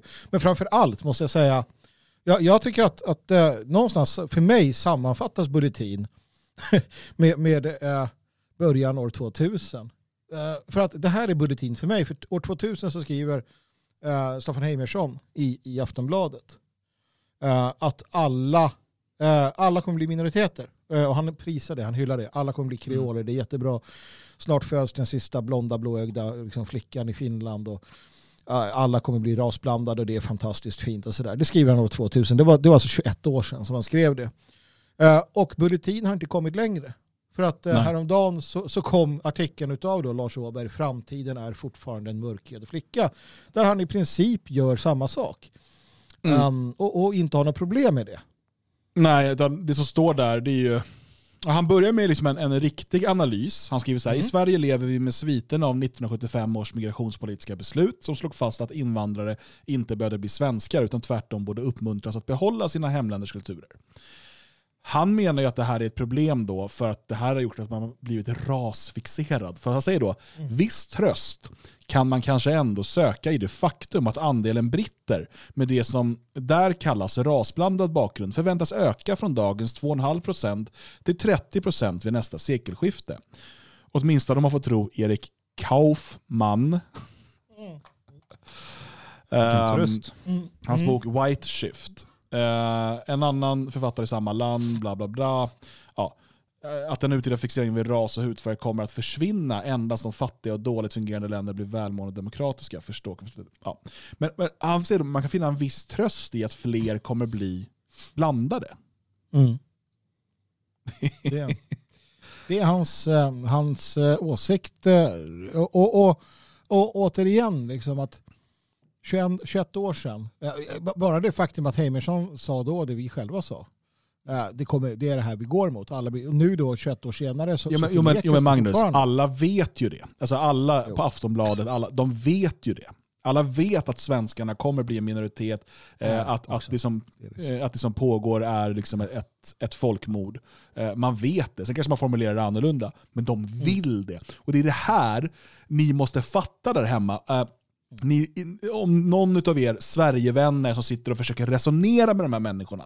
Ni måste förstå att de gör inte det här för att de är dumma utan för att de är onda. Det är inte att de inte vet att svenskarna håller på att trängas undan i sitt eget land. Det är att de vill att svenskarna ska trängas undan i sitt eget land. Du måste förstå det, för annars kommer, du inte, annars kommer du inte förstå hur de agerar och hur vi ska bemöta dem. Om du tror att de, de, de bara saknar fakta. Kolla, vi har en graf här. Titta, svenskarna blir minoritet. Åh, Anders Lindberg. Nej, men tänk. Oj, nu, är jag inte, nu ska jag sluta med det här och nu ska jag bli, nu ska jag bli nationalist. Det kommer inte hända. Han vill att svenskarna ska trängas undan från sitt eget land. Han vill att svenskarna ska bli en minoritet. Han vill ha folkmordet. Det måste man förstå.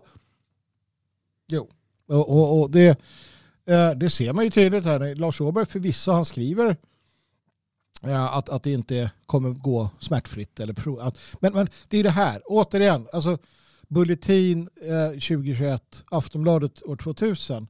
Man har inte kommit längre. Det är inte så att någon annan bjuds in eller att, att eh, någon skriver att problemet med eh, problemet med rasblandningen, problem med vad, hur, vilka strukturer, alltså vad händer i ett samhälle. Det finns ju väldigt mycket forskning om det här. Va? Men det, det finns inte en röst som säger så här att det här är ett problem. Eh, det är klart att Arpi, jag tror han sitter hemma och bara, ja, men jag vill ju inte att det ska bli så här. Det här är inte så kul. Men usch, så här kan vi inte, vad ska vi göra och så vidare. Vissa är bra, bla bla bla. Men ingen så där som vågar ta den diskussionen. Det betyder för mig att Bulletin är lika intressant som då Aftonbladet. Nej, det är de inte. Aftonbladet är bättre. Bulletin är sämre än Aftonbladet vågar jag säga. Lars Åberg skriver ju lite senare i artikeln här att um, men om framtiden är en mörkhyad flicka, det har han ju konstaterat då, eh, så pågår ändå någon form av rörelse framåt. Eh, det är inte heller givet att hennes åsikter och värderingar kommer att stå skrivna i ansiktet. Och så tar han ju upp det där om att man tänker sig att de, de kommer vara vänster, de kommer rösta Demokraterna och sådär. Men han tänder en liten gnista av hopp att de kan ju bli konservativa. Ja, det är så jävla dumt. Och det, för, det för oss ju in på nästa ämne så himla bra. Det för oss Mm. in på nästa ämne så himla bra. För att jag, jag eh, skrev en sak på Twitter, eh, lite grann för att provocera, och det är för det är så det behövs för att få igång diskussioner. Eh, och eh, Det jag skrev eh, var alltså att Sverigevänner och assimilerade utlänningar som kämpar för den liberala skitvärldens fortsatta hegemoni är ett större hot mot svensk framtid än islamister. Och det här blir lite meta nu, för att det här kommer efter att jag lyssnat på senaste Vita Pillret, som jag varmt kan rekommendera, där de diskuterar en tweet utav eh, Frank från AFS, som eh, utvecklar det här lite mer. Ehm, men jag, jag sammanfattade egentligen det som de sa, för att jag håller helt med om det. Eh, och Det var ganska kul att se reaktionerna. Ja, såklart många som höll med och sådär, eh, men också en del Sverige, Sverigevänner då som, som menar då att men islamister dödar ju folk och sådär. Titta vilken hög kriminalitet vi har i Sverige och så. Som att det, jag vet inte, Är det det du menar då? Dan, är det att du, du tänker att snart så kommer Sverigevännerna börja bomba eh, bilar och Är det så? köra, skälla lastbilar och skära halsen av folk? Då hade det åtminstone varit lite action. Nej, men ehm, nej, självklart inte. Utan för det första då, eh, islamister är inget stort problem i Sverige idag och kommer nog inte vara det på väldigt, väldigt lång tid. Islamiseringen är ett problem, eh, men det är långt ifrån vårt enda problem. Och framförallt så är islamiseringen och islamisters närvaro i eh, Sverige och Europa ett resultat av att vi har eh, en, liksom en liberal världsåskådning som grund i vårt samhälle. Och när man ser Sverigevänner, alltså människor som sympatiserar med Sverigedemokraterna menar jag då, eh, och ehm, deras eh, liksom invandrar-alibi i form av den här eh, lilla bögen, eh, jag inte kommer ihåg vad han heter, den, den typen av människor. ehm, vad- kommer ni ihåg? Luai. Luai. Ahmed Luai. Ja, den typen Men- av människor. Ja, Ehm, ja. ja, som då, eh, liksom deras mål, alltså vad de försöker, det är att invandrarna ska bli liberaler. Alltså invandrarna ska älska bögar och abort och, och liksom släppa på sina religiösa eh, övertygelser, de ska bli sekulära och sådär. Precis det som svenskarna har blivit i 50 år, vilket ju är liksom grunden till varför vi är där vi är idag. Man har gjort en, man har en kortslutning i analysen. Och, eh, problemet är ju att ju fler eh, icke-europeer som assimileras in i Sverige i den situation vi är idag, desto svårare kommer det vara att ha en svensk framtid i Sverige. Eftersom Mm. att den svenska framtiden till viss del också är biologisk. Alltså, eh, och, och, eh, om vi eh, imorgon går från att ha en miljon religiösa muslimer till att ha, nu vet jag inte om vi har en miljon, men vi tar det som exempel, till att ha en miljon araber och afrikaner som är övertygade eh, bög och abortliberaler. På vilket sätt har det blivit bättre för oss som vill ha en svensk framtid? Och för er som är så himla fästa vid den här eh, abortfrågan och liksom sexualliberalisering och så vidare. Jag, jag, eh, man måste ju fråga sig, islamister har i Sverige mördat, alltså i islamistiska dåd, fem personer va, tror jag? Ja, dragit låt det osagt. Jag, jag har inte det i huvudet faktiskt. Det en, det Vi, vi, vi säger snällt, inte- vi räknar ju 50 personer då. 50 personer. Ehm, Sveriges abortlagstiftning har mördat över en miljon. Liberal, alltså Oj. liberal abortlagstiftning har avslutat betydligt fler liv än vad islamister har gjort i Sverige. Men Det var ju många Ehm. svenska små, små saker. De, de, var inte föd, de var inte födda. Nej, nej just det, så då, då finns de inte. Nej, Eh, Nej. det, det En geléklump har jag hört. Just Alltså, det. det är bara en Ja, geléklump. en död fisk har jag hört. Alltså, Alltså, som död en fisk. Ja, jag vet. det här ska ju inte blandas ihop med att liksom islam inte har någon plats i Europa. Det är, det är, det är en självklarhet för mig som, som svensk och europeisk nationalist. Men det är också livsfarligt att alternativet som lyfts fram av Katarina Janouch-typer är sexualliberalism, eh, abort och så vidare. Och att det enda kravet man ställer på, för att man tror att man ska få ett fungerande samhälle, det är att, att araber och afrikaner också blir sexualliberala eh, abortälskare. Det, alltså, det, för mig är det ett betydligt större problem än källarmoskéer eh, där man har liksom någon typ av eh, salafistisk inriktning och så vidare. De ska inte vara här, men det enda sättet vi kommer kunna få dem bort härifrån det är genom att svenskarna återvinner sin identitet och förstår värdet av att, att hålla ihop som folk. Och att vi bygger det på traditionella grundläggande värderingar. För då kan vi bygga någonting starkt som kan trycka tillbaka de här krafterna från att liksom, invadera Europa. Men ett gäng liksom, pride-dansande bögar eh, kommer inte kunna lösa det. Det finns liksom inga, ingenting. Och är det det vi då ska kämpa för? Är det det som svenska nationalister ska ut på gatorna och slåss för? Att fler ska våga böga? Nej, tack. Mm. Nej, det tycker jag inte. Det är jättekonstigt eh, om de ska göra det. Eh, nej, men sen måste man ju, jag, jag ska sticka ut hakan, jag brukar göra det ibland, jag tycker det är rätt kul. Uh, om vi tänker, det pratas ju mycket om det här med, med uh, klaner och stammar i ett framtida samhälle så kan det bli uppdelat och, och sådär.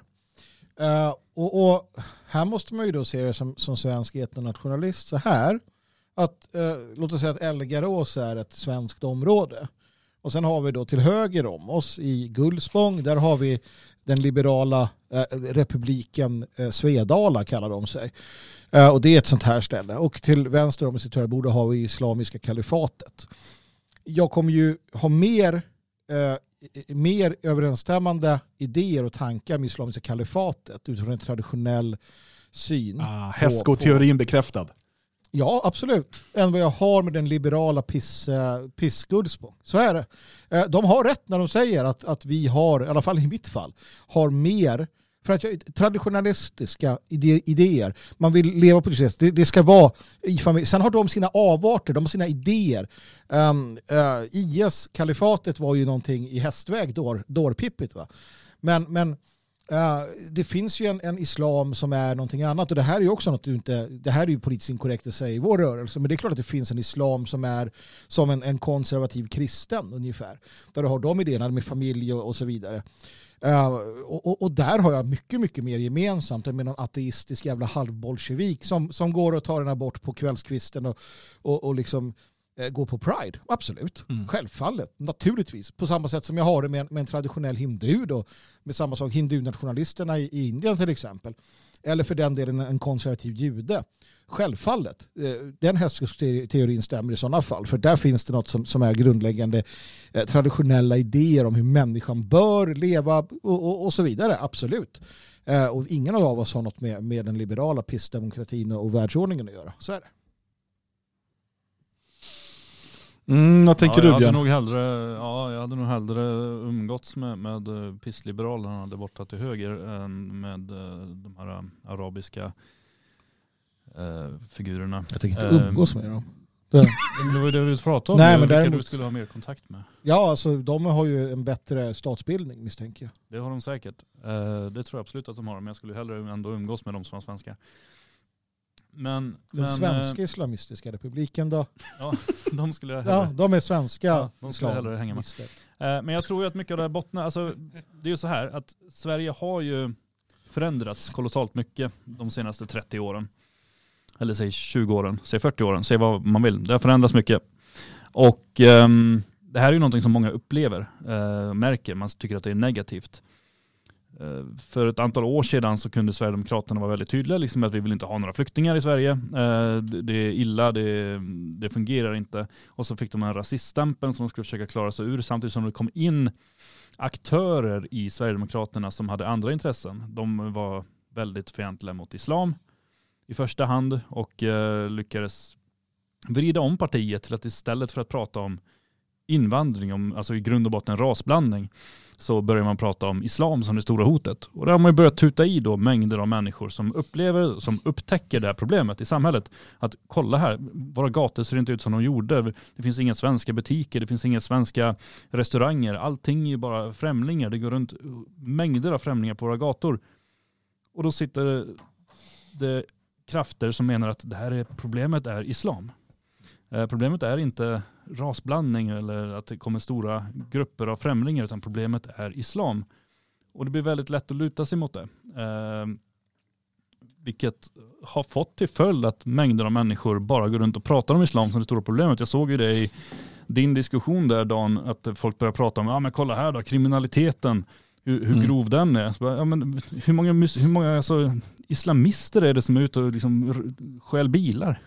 Mm. Nej, det är ju... Alltså, Nej, och där, precis. Och där, och så, i- när vi pratar, jag skriver islamister, eh, för att det är just det, det där fokuset på eh, liksom, eh, rättrogna, enligt deras tro, då, muslimer, eh, alltså konservativa muslimer, vilket man till viss del kan kalla för, för islamister, men framförallt då på, på de som eh, med våld vill bedriva sin jihad.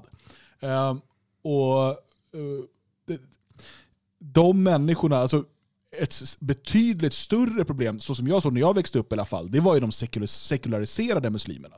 De som var liksom kriminella, som knarka och söp och eh, liksom inte höll sig till, till islam. De var ett betydligt större problem för oss svenskar än vad de här som gick i moskén och var religiösa var. Men det är fler sådana vi vill ha. Ja, alltså- men precis. Det håller ju inte. Nej, men det, är där, det är det man måste se och det är där det blir problem. För att de, de, de ser i fienden blir den radikala muslimen. Uh, uh, som, som är liksom gudsfruktig och har en tro. Som du säger, han går i sin klänning till moskén. Han, han har två fruar och sådär. Uh, och, föder barn och ja, det är vad han gör i princip. Han kan tycka att det är rätt schysst när det blir något jihadistiskt dåd. Uh, eh, precis som en del konservativa kristna kan kanske känna samma sak. Att fan vad skönt när det ändå tas i med hårdhandskarna för Guds vilja. Och drömmer om en tid då korsriddare red över prärien. Eller ja, prärien var de fan inte. Men red över, över liksom öknen. Det, det finns ju den där idén. Eh, det är inte det som är problemet som sagt. Naturligtvis terrorister, alltså folk som angriper mitt folk. Jag är ju, jag är ju counter-jihadist. Det har jag ju sagt och det kan jag säga igen. Jag är en, en stark och tydlig fiende till, till liksom jihadister eh, som använder våld eh, mot mitt folk och mitt Europa. Jag är counter-jihadist och det hoppas jag att vi alla är.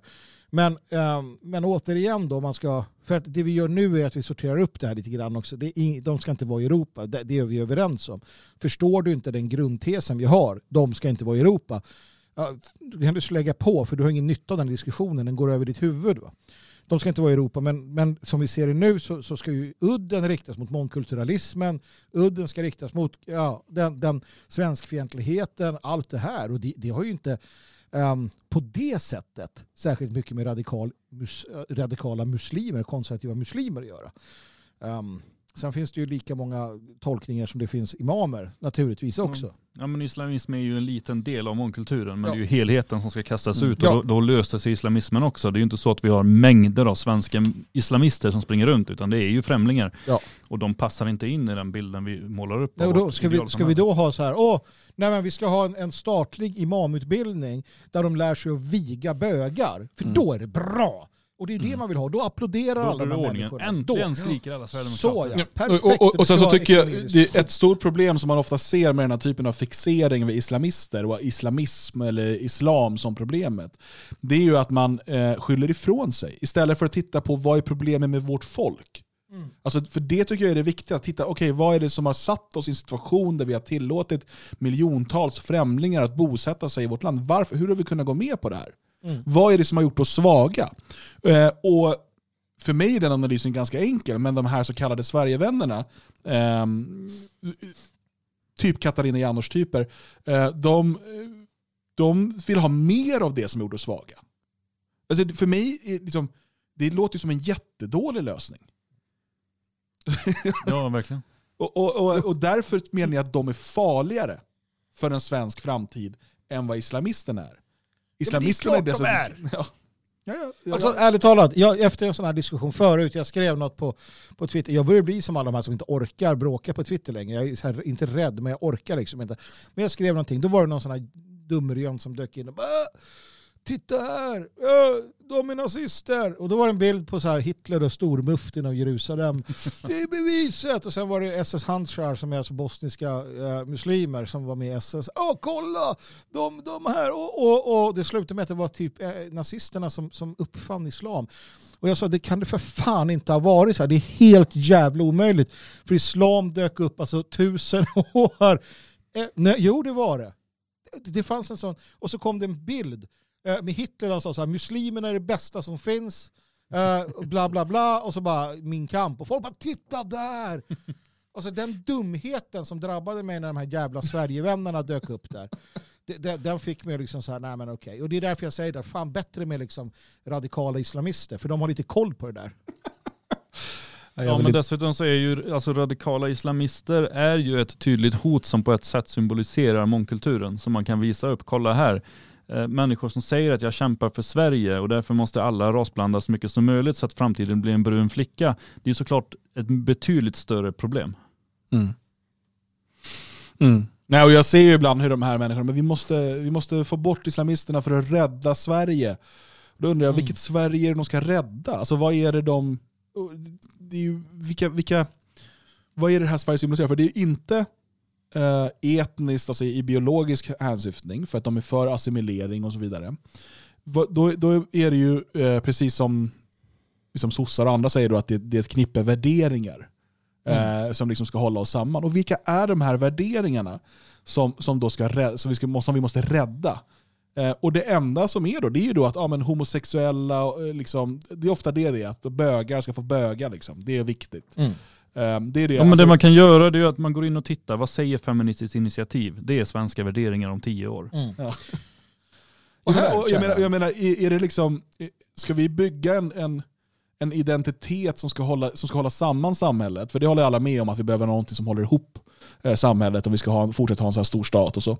Ehm, Vi börjar med att splittra oss så mycket vi kan och sen ska vi hitta något som håller ihop oss. Mm. ja, och det som ska hålla ihop oss är Bra. bögeriet. Ja. det är det viktigaste. Men, men alltså jag förstår nu varför Radio Svegot aldrig kommer spräcka glastaket. Vi kommer aldrig få lika många tittare och lyssnare som, som Samnit och Exakt 24. och De där. Nej, men och det är ett medvetet val. Det kan man också måste bara konstatera. Vi vill inte eh, triangulera. Alltså, jag vet precis hur vi skulle kunna, skulle kunna göra för att liksom bygga en jättestor alternativmedia som når jättemånga. Och muslimerna! vad spelar det för roll om man når Muslimerna! jättemånga om allt man ger dem är skit? Om, om, om de får felaktiga analyser och felaktiga eh, liksom uppmaningar till vad de ska göra, då gör det ju bara mer skada än nytta. Det, det är ju det som är liksom poängen. Vi, jag förstår att vi inte kommer ha 100 000 live-tittare eh, liksom den närmaste tiden. Sen kan saker hända i framtiden. Eh, men jag är väldigt glad över att vi når, eh, vad hade vi nu i, i januari, eh, 70 eller 100 000 nedladdningar vad det var. Att vi Mm. når de här liksom, tusentals människor eh, på daglig eller veckobasis och, och kan göra det rakryggat. Vi skräder aldrig orden, vi säger exakt vad vi tycker och vi bottnar i en ordentlig analys. En ordentlig världsåskådning. Och det är för mig betydligt viktigare än att nå 100 000 människor eh, som bara vill få liksom, sin världsbild bekräftad och höra att islamister är dumma i huvudet. För det, det, det är meningslöst. Det, det, är liksom, det är tuggummi till liksom, det är skräpmat. Meningslöst. Vi eh, kommer alltså inte stå här och prata om muslimerna och hur Nej, dåliga de är. Ja, någon gång. judarna är. Någon gång. Kan Nå- säkert... Någon gång ska vi prata om hur bra judar är. Ja, Dan men de är Eriksson, jättebra på att mjölka Tyskland till exempel. Det, det har vi pratat De är om. bra idag. på Kletsbergas. Det går inte att lyssna på. Har ni lyssnat på Kletsberg någon gång? Herregud i himlen mina vänner. Jag tror Oj, att, eh, jag- gjorde du det på den där eh, doktorsdisputationen? Dum, dum. Nej, Klezmer? det var dåligt med det då. Men jag har lagt upp en film på TikTok när jag och Ludvig dansar till eh, Klezmer. Ja, nej, det är inte kul alltså. Kletsberg är inte kul. Eller ja, det är Förlåt, eh, vi ska snacka in på Magnus fantastiska fakta, men du sa TikTok. Jag skaffade också TikTok nu för att följa er.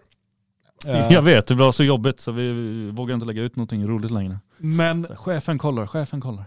jag måste säga att jag, vad, är det här, vad är det för sjuk jävla grej, det här TikTok? Förlåt att jag låter som en gammal farbror nu, alla ungdomar. Men det, först är det, no, alltså det är bara, man behöver inte ens följa folk, det bara ramlar in massa film. Och plötsligt så här, först är det någon som, det är något roligt, och sen är det någon som står och typ trycker upp sin rumpa mot kameran, och sen, det är jättekonstigt. Och eh, jag eh, börjar få mer och mer förståelse för alla de här, eh, jag tycker de har fel, men alla de här kvinnohatande männen, ungdomar på nätet. När jag bara ser, eh, jag, jag har inte riktigt fattat hela den här Onlyfans-kulturen och alla, men det är ju fan helt jävla sjukt. Fan, jag, man blir ju mod, alltså, jag, fan, vi behöver islam. Tack. Ja, alltså Onlyfans, eh, jag är på gång där med ett konto. Eh, Får se när det dyker upp här va. Men eh, så följ mig då på Onlyfans-toppen, bara en dollar per dag. Eller något, jag vet inte hur det funkar. Men visst är det så, det behövs islam. Det är där vi hamnar, vi, vi landar där. Att det är vad fan. Allahu akbar. Eller klassiska svenska värderingar. Ja, ja, det- det bra. går Nej, också. vad fan. Nej, nej. Jävlar, islam vet du. Nej, men ehm, det var någon som sa det att eh, det hade varit kul om Iran uh, etablerade ett så här, tryck, eller så här fritt forum för dissidenter där man kan sitta och chatta. Som när de hade de här äh, förintelsemötena, vad heter det, Där var konferensen. du, där var du den gamla förnekare. Du var i Nej. Iran. Nej, det Nej. var det inte. Du var i Irak. Fast inte det är Nej, samtidigt. sen var du i Israel också. Ja, det var inte heller då. Det var läskigt. Ja, det var obehag- obehagligt var det. Eh, Eller Mellen, det här om muslimerna har börjat sponsra Svegot. Det var mycket PR för dem ikväll. mycket för muslimerna. Eh, nej, men jag vet inte. Kanske får någon resa till något muslimskt land som vi kan Oh! till. Och... Ja, Eller ett par kameler att ställa i Elgarås, det vore kul. jag, jag skulle vilja åka till Iran eh, och, och se julen där. För den har jag sett jävligt fin. Massa jultomtar och, och sådär. Mycket kristet och så. Ja, just det. Det kanske inte du visste. Det är helt okej. Man får vara jude i Iran också. Eh, Och kristen. Precis som i Syrien. Men får man böga? Får man böga? Alltså du får ju böga hemma om du nu ska hålla på med det. Men du får inte hålla på och böga runt så att det syns liksom. Får man döda sina ganska- barn? Annars vill Ja, jag inte de, vara om med. de bögar, om de bögar får du göra det. Men det ska de ju inte göra.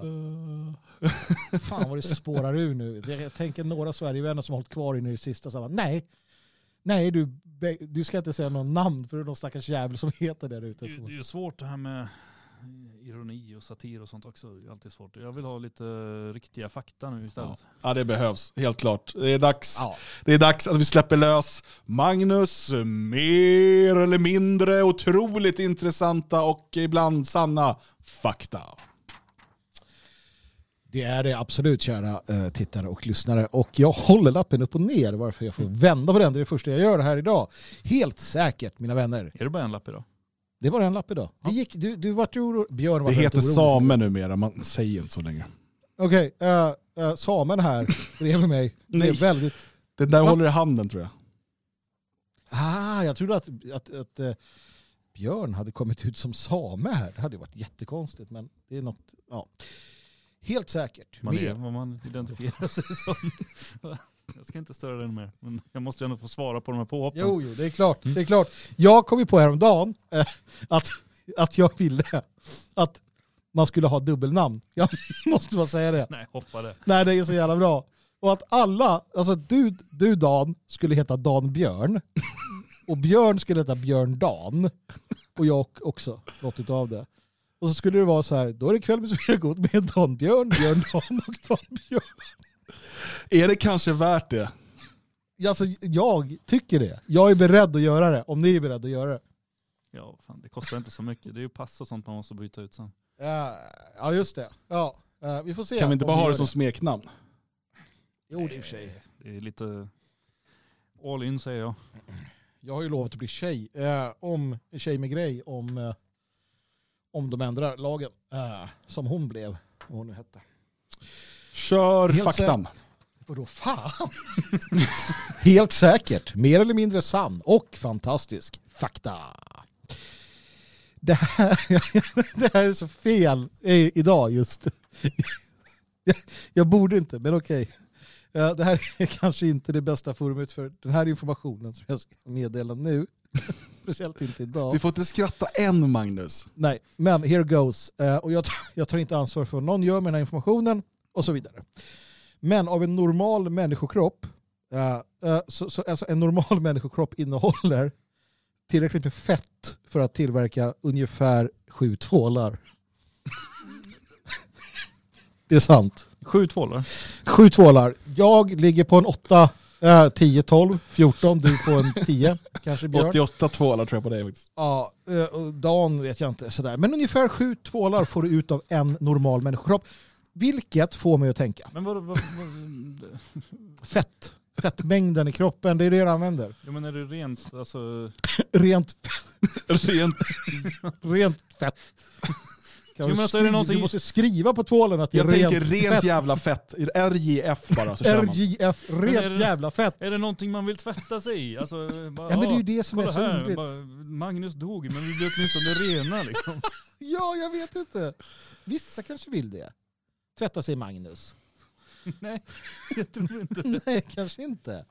Men man kan om man vill. Sju tvålar, en människa. Mm. Tack. Ja, det är ju ingen bra industri är det ju inte. Nej, det är ju Man kan väldigt... köpa en sån här pump på Ica för typ 10 spänn. ju- Ja, här måste man ju förena nytta med nöje tänkte jag säga. Det beror ju på om du är en galen yxmördare. Då så här, åh. Men det är ett helvete tror jag också att koka ur det där och hålla på med laka ur skiten. Alltså. Ska ju benas ur också då, kroppen och du får ju restprodukter. och- Ja. Är det två filéer på en människa? Är det som en fisk eller? Har vi, alltså finns det en oxfilé, alltså så, så här människofilé? Finns det det? Kannibalism är ett underskattat ämne på måndagskvällar. Skitsamma, Ja. sju tvålar mina vänner får Ja, ni ut ur en kropp. Antecknar. Delfiner som lever i det vilda har namn på varandra, precis som vi. Hur de, alltså, De pratar ju inte. nej. Jo men de kvittrar ju. Eller Ja, de, men- de bara går runt och vet att de andra är helt... Bara, jag vet att han heter Göran men jag kan inte säga det. Nej, men de har namn, alltså de låter ju så här. Blub, blub, eller, Ja. ja, det, är- de har ju ett delfinljud. Alltså all min kunskap om delfiner kommer från Flipper. Ja, och han glider ju runt och ropar efter ja, men typ. Dan Björn. Och Nej, men de har namn. Alltså, jag vet inte vad de heter.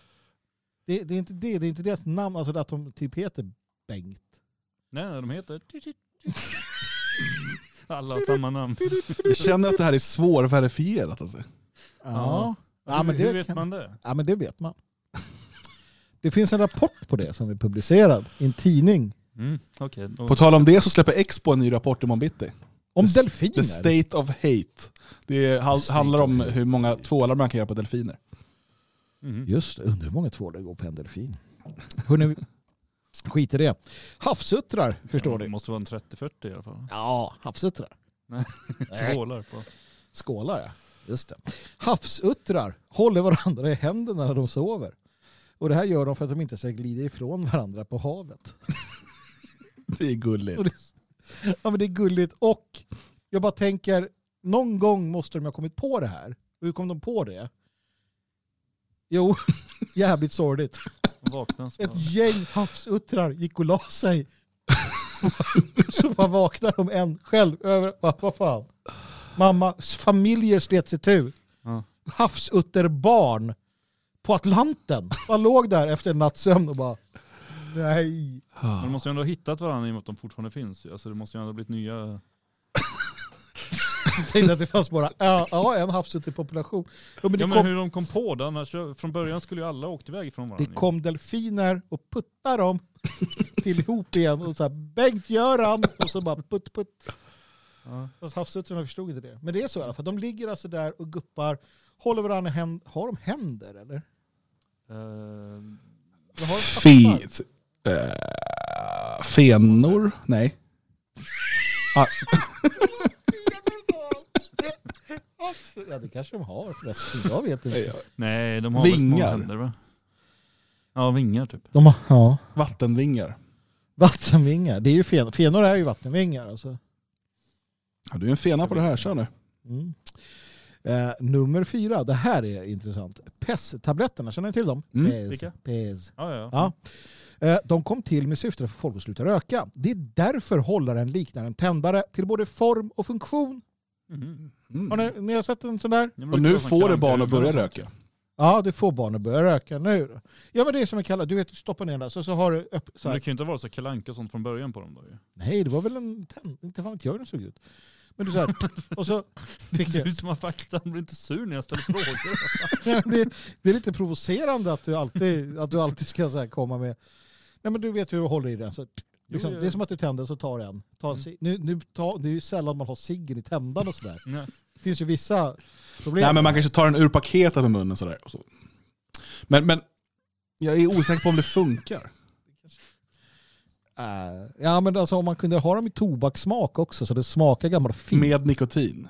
Och gärna till Med Men det nikotin. funkade väl inte? Det var väl därför det blev till barn istället? Ja, det blev godis. För det funkar inte. Som allt annat skit. Hur slutade du att röka Magnus? Jag bara la av. Precis, Ja. det är samma här. Det, är liksom, det, det verkar vara det mest effektiva, att bara sluta. Ja, ja bara lägga av. Liksom. Ost förstår ni mina vänner. Ost är den matvara som snattas mest i hela världen. Ja. Åh nej. Jo, det, det är det. Ost. Men jag tänker, ja men alltså. I Indien kan du inte snatta så jävla mycket ost. ja fårost. Getost. Ja, den är inte Hästost. könsspecifik, den här osten. Eller eh. Vilken är en jävla tur att man inte... Jag menar inte... Jag menar ju alltså, artspecifik. Mm. Just det. Eh, I Indien har man ju... Hoppas den könsspecifik. Jag vill bara ha mansost för fan. Nu ska vi mjölka Gjord tjuren. på tjurmjölk. Det är inte mjölk Magnus. Ja. Säger du ja. Ja men det kan nog vara sant va?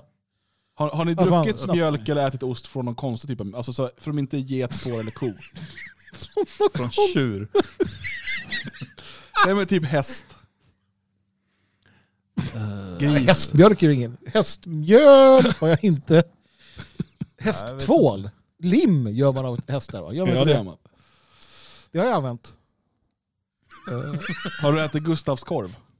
Ja fy fan. Usch, det smakar gammal jävla laggård alltså. Det smakar Jag häst. äter inte sånt där. Ja, men ni känner ju mig, jag äter ju bara ko och gris. Utom när jag får mina sådär att jag känner mig syndig när jag äter gris. Det händer då. Mm. Ja, ja, nej, men så är det i alla fall. Ehm, eh, en annan sak, uh, Kibono, sorry, men fler personer har varit på månen än i Marianergraven. Mhm. Jag tror inte att det är sant va? Eh, Nej det är inte sant, för vi, vi har inte varit på månen. Så. Nej, alltså tror man inte att du var på månen så, så blev det igen, då föll allt och de, man blir bara sur på mig nu igen. Men tror man det som jag, eh, ja, det är ju en tro. det här om jag var på månen, det är en tro. Vi lägger det i trofacket så här. Gud, judendom, månen, virus, Tandfen. vaccin, ja, Men tro, eh, tro, du, tror, jättin. du tror att folk har varit i Marianagraven? Varför är det ingen som förnekar det? Kom igen nu. Här får ju, ni får ju Björn. En stor rörelse bara, nej det går inte att gå så djupt. Jorden är egentligen grund, haven är grunda. Det är bara fem meter överallt. Det finns inget djupare ställe.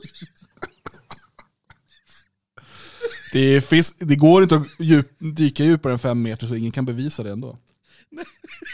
Precis. Alltid Man kan vada överallt. Jag ska bevisa det. Jävla bra. Hur många har varit där då? Jag har inga siffror. Det är några stycken. Tack för faktan, det är det är rimligt att du inte har några siffror på den. Jag fattar varför det gick så fort för dig idag att hitta de här uppgifterna. Du har ju bara kopierat någon sån här faktaruta någonstans. Till skillnad från vad jag brukar göra. Jag Jag, tror att du jag sitter... sitter och studerar ämnen tills jag hittar de som inte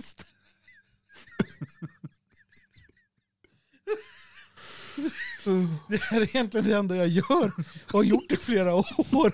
Det är studera. Hur går det Magnus? Flamingor mina vänner är rosa på grund av alla räkor de äter. Ja det vet jag.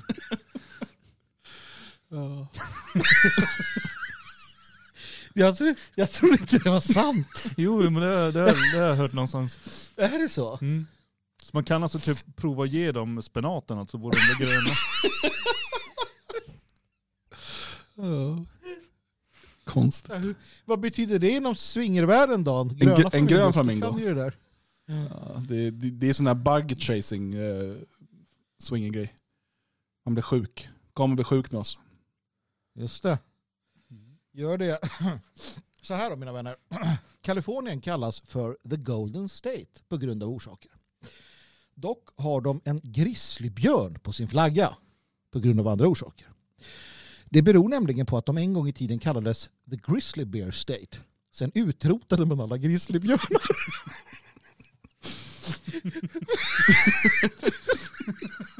Och då vart det the golden state. Och det är sant. Det är Nej. så. Grizzlybjörnar som är så snälla. Ja, och man har dem på flaggan fortfarande som ett hån. Och i Kalifornien, de hissar så här, så, står, så hissar de den som ett, att vi besegrade grizzlybjörnarna. Det är därför Folin kallar sig The Golden One också. Och inte the grizzly bear. Nej. För de är utrotade i Kalifornien. Nej, han har utrotat dem. Det var han som gjorde det. Ja. Just det.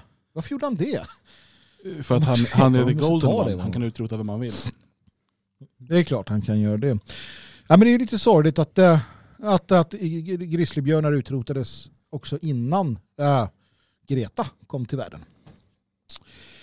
Under kalla kriget så byggdes det 10 000 kärnvapensäkra bunkrar i Peking i Kina. Eh, På senare år så gjorde man som i Sverige, avvecklade det hela för att eh, ja, det vart ju inget mer krig. Och eh, då såldes de här bunkrarna på fastighetsmarknaden. Och, och idag så bor alltså över en miljon människor i bunkrar i Peking. Alltså det är så mycket som verkar så obehagligt med Kina. eh, I hur människor behandlas och lever där. Alltså. Eh, det är bunkrar, ja. Jag tänker de också på Japan, de själv. här där podsen som folk bor i. Alltså. Pods in a pie. Pie in a pie. How much wood would a woodchuck chuck if a woodchuck sh- could chuck wood? Just det. Det är en bra fråga också. Men det- Det är säkert ganska schysst ändå att ha en bunker att bo i. Ja, men inte om man bara har en bunker. Ja, men istället för att inte ha någonting alls. Ja, Varför äter de inte bakelser? Ja? Mm. Mm. precis. Låt folket äta bakelser. Det är min, eh, det ska jag gå till val på. Den sista fantastiska faktan för dagen, hörni, det är att den femte största pyramiden i världen finns i... Tyskland. Nej, Eh, Bosnien. nej. Den femte... Egypten. Nej. Det hade varit jävligt kul. Där- Fantastisk fakta! Nej då. Den femte största pyramiden i världen finns i Memphis, Tennessee i USA. Den är 98 meter hög med en bas på 180 meter diameter. Den byggdes 1991 och innehåller en pass, eh, Bass Bro, eh, Pro Shop, alltså en, en detaljhandel för jakt, fiske, camping etc. Bland annat. Ja. Det var så jävla antiklimax, eller hur? Det var det jag tyckte var kul. Bass, Bass Pro Shop, det är ju så här Bass, det är, är Bass, you know. Men Det är en ju- fiske. Ja, Det är en fisk. Och det är en pyramid. jo, Så. det är ju klart att... Det, Ja, det är den femte största pyramiden i världen. Fuck you i Egypten. Den här tog ett år att bygga. Stor som fan. Det är en bass på den. Ja, jänkarna så här, tittar så här. Ja, ja, tusentals år av historia. Vad gör vi? Vi bygger den på ett år. Ja, så. Jag tycker inte det räknas som det är modernt bygg, byggnation. det räknas inte som Nej, jag pyramid. håller med Dan. Okej, pyramid i en form. jo. Pyramid är väl en byggnad? Ja. Ja, en, en, en formad byggnad. Okej, så att om jag bygger ett slott, Dan så här, nej men det är inte ett slott, det är Nej, Tyskland. nej, det är det inte. Det ska, ett nej, slott. det ska vara, slott, ett slott ska ha anor. Annars är det bara en skrytbyggnad. Men om 2000 år så kommer Ja. folk åka förbi den här pyramiden och bara, Om 2000 år kommer jag ge dig rätt. 2000 år är den borta där i USA. Här men de, dyrkar de the bass god. den kommer ju vara borta om 2000 år. Jag var med min son och handlade hörlurar, sådana här som jag har på mig nu, är. fast sladdlösa. Och du ångrar det nu? Nej, och då var det, stod det så här bra att det var så här good bass överallt. Och då frågade vi om hur man kan lyssna på något om det är fiskljud hela tiden. Min son skrattade sig halvt tandlös alltså, och jag också, och de tittade på som att vi var dumma i huvudet. Din son Det gillar pappaskämt alltså. Ja. Han, han brukar säga att jag vet pappa att du är jättekonstig, men det gör ingenting för jag tycker du är rolig. tycker jag är kul. Ah. Ja, tack för Ha. den här fantastiska faktan. Och, Ja, tack så, så mycket själva. Eh, och vill ni höra mer sånt här, då tycker jag att ni gör bäst i att uh, swisha in eh, lite till, till det här projektet. Radio Svegot heter det. Eller så kan ni göra som så att ni går in på nationalisten.se för där huserar jag och, och Björn eh, lite på tu hand. Uh, med Jalle ibland också sådär, annat folk. Det finns artiklar och sånt där. Och så, så, så är det någonting på gång här också. Något nytt har vi inte pratat om ännu. Prata om det i början. Ja, Jag var Ja. inte här då. Eh, jo, det var det. eh, om eh, du är stödprenumerant så kan du gå in nu här Ja. på eh, svegot.se och trycka Okej. på forum här uppe i menyn. Forum. Yes. Och eh, där, under kategorin Radio Svegot så finns information om ett nytt programformat som vi vill prova. Eh, och vi har skrivit om hur vi tänker, gå gärna in och, och, kommentera vad du tänker om det. Och nästa vecka kommer vi spela in och lägga upp det exklusivt för dig som är stödprenumerant, eh, en pilotvecka av de här programmen. Och så eh, vill vi ha så mycket feedback som möjligt. Um, och inom kort kommer det också ut en inbjudan till dig som är stödprenumerant om att delta i ett, uh, en Zoom-kväll tillsammans med flera av våra programledare. Mer information kommer på mail och på forumet på svegot.se forum. Vi lägger ut alla poddar eh, gratis eh, och eh, det är bara tack vare stödprenumeranter och donatörer som det är möjligt. Så gå in på svego.se, teckna stödprenumeration så får du tillgång till lite extra saker. Eh, men du framförallt ser till att poddarna kan nå fler människor. Eh, så stort tack till alla som gör det och stort tack till Erik som ikväll har varit med här på, på D-Live och skänkt eh, citroner och allt annat. Just nu håller vi på att öppna skattkistan som kommer delas ut till er som var med live. Eh, och mm. Under kvällen har vi fått in eh, fina gåvor eh, ifrån bland annat då Glad Arier, History and, and Truth, eh, Moose Ridger, Vanilla Sandy, Pogo Pedagog, Shielden, Rolf, NSTKL, Nintendo Jimmy och Uncle A. Um, stort tack för det. Vi har också fått in uh, lite nya prenumeranter på D-Live. Uh, eh, så passa på att hälsa er alla välkomna. Där delades nu eh, citronerna i vår skattkista på D-Live ut till Pågopedagog, Nintendo Jimmy, Reine Stormer, Shell 2066 och Uncle A. Eh, stort tack för att ni var med. Nu kommer vi hoppa in på Radio Svegots chatt på Telegram i röstchatten där och köra lite eftersnack. Eh, så kom gärna med över dit. Telegram, sök på Svegots chatt. Så eh, kan eh, eh, vi snacka lite mer där helt enkelt. Nu avslutar jag det här innan jag blir alldeles, alldeles för förvirrad. Så eh, vill ni lägga till någonting, Magnus och Björn? Nej, det tar vi i chatten där sen tänker jag. Ja, vi kör i eftersnacket. God natt.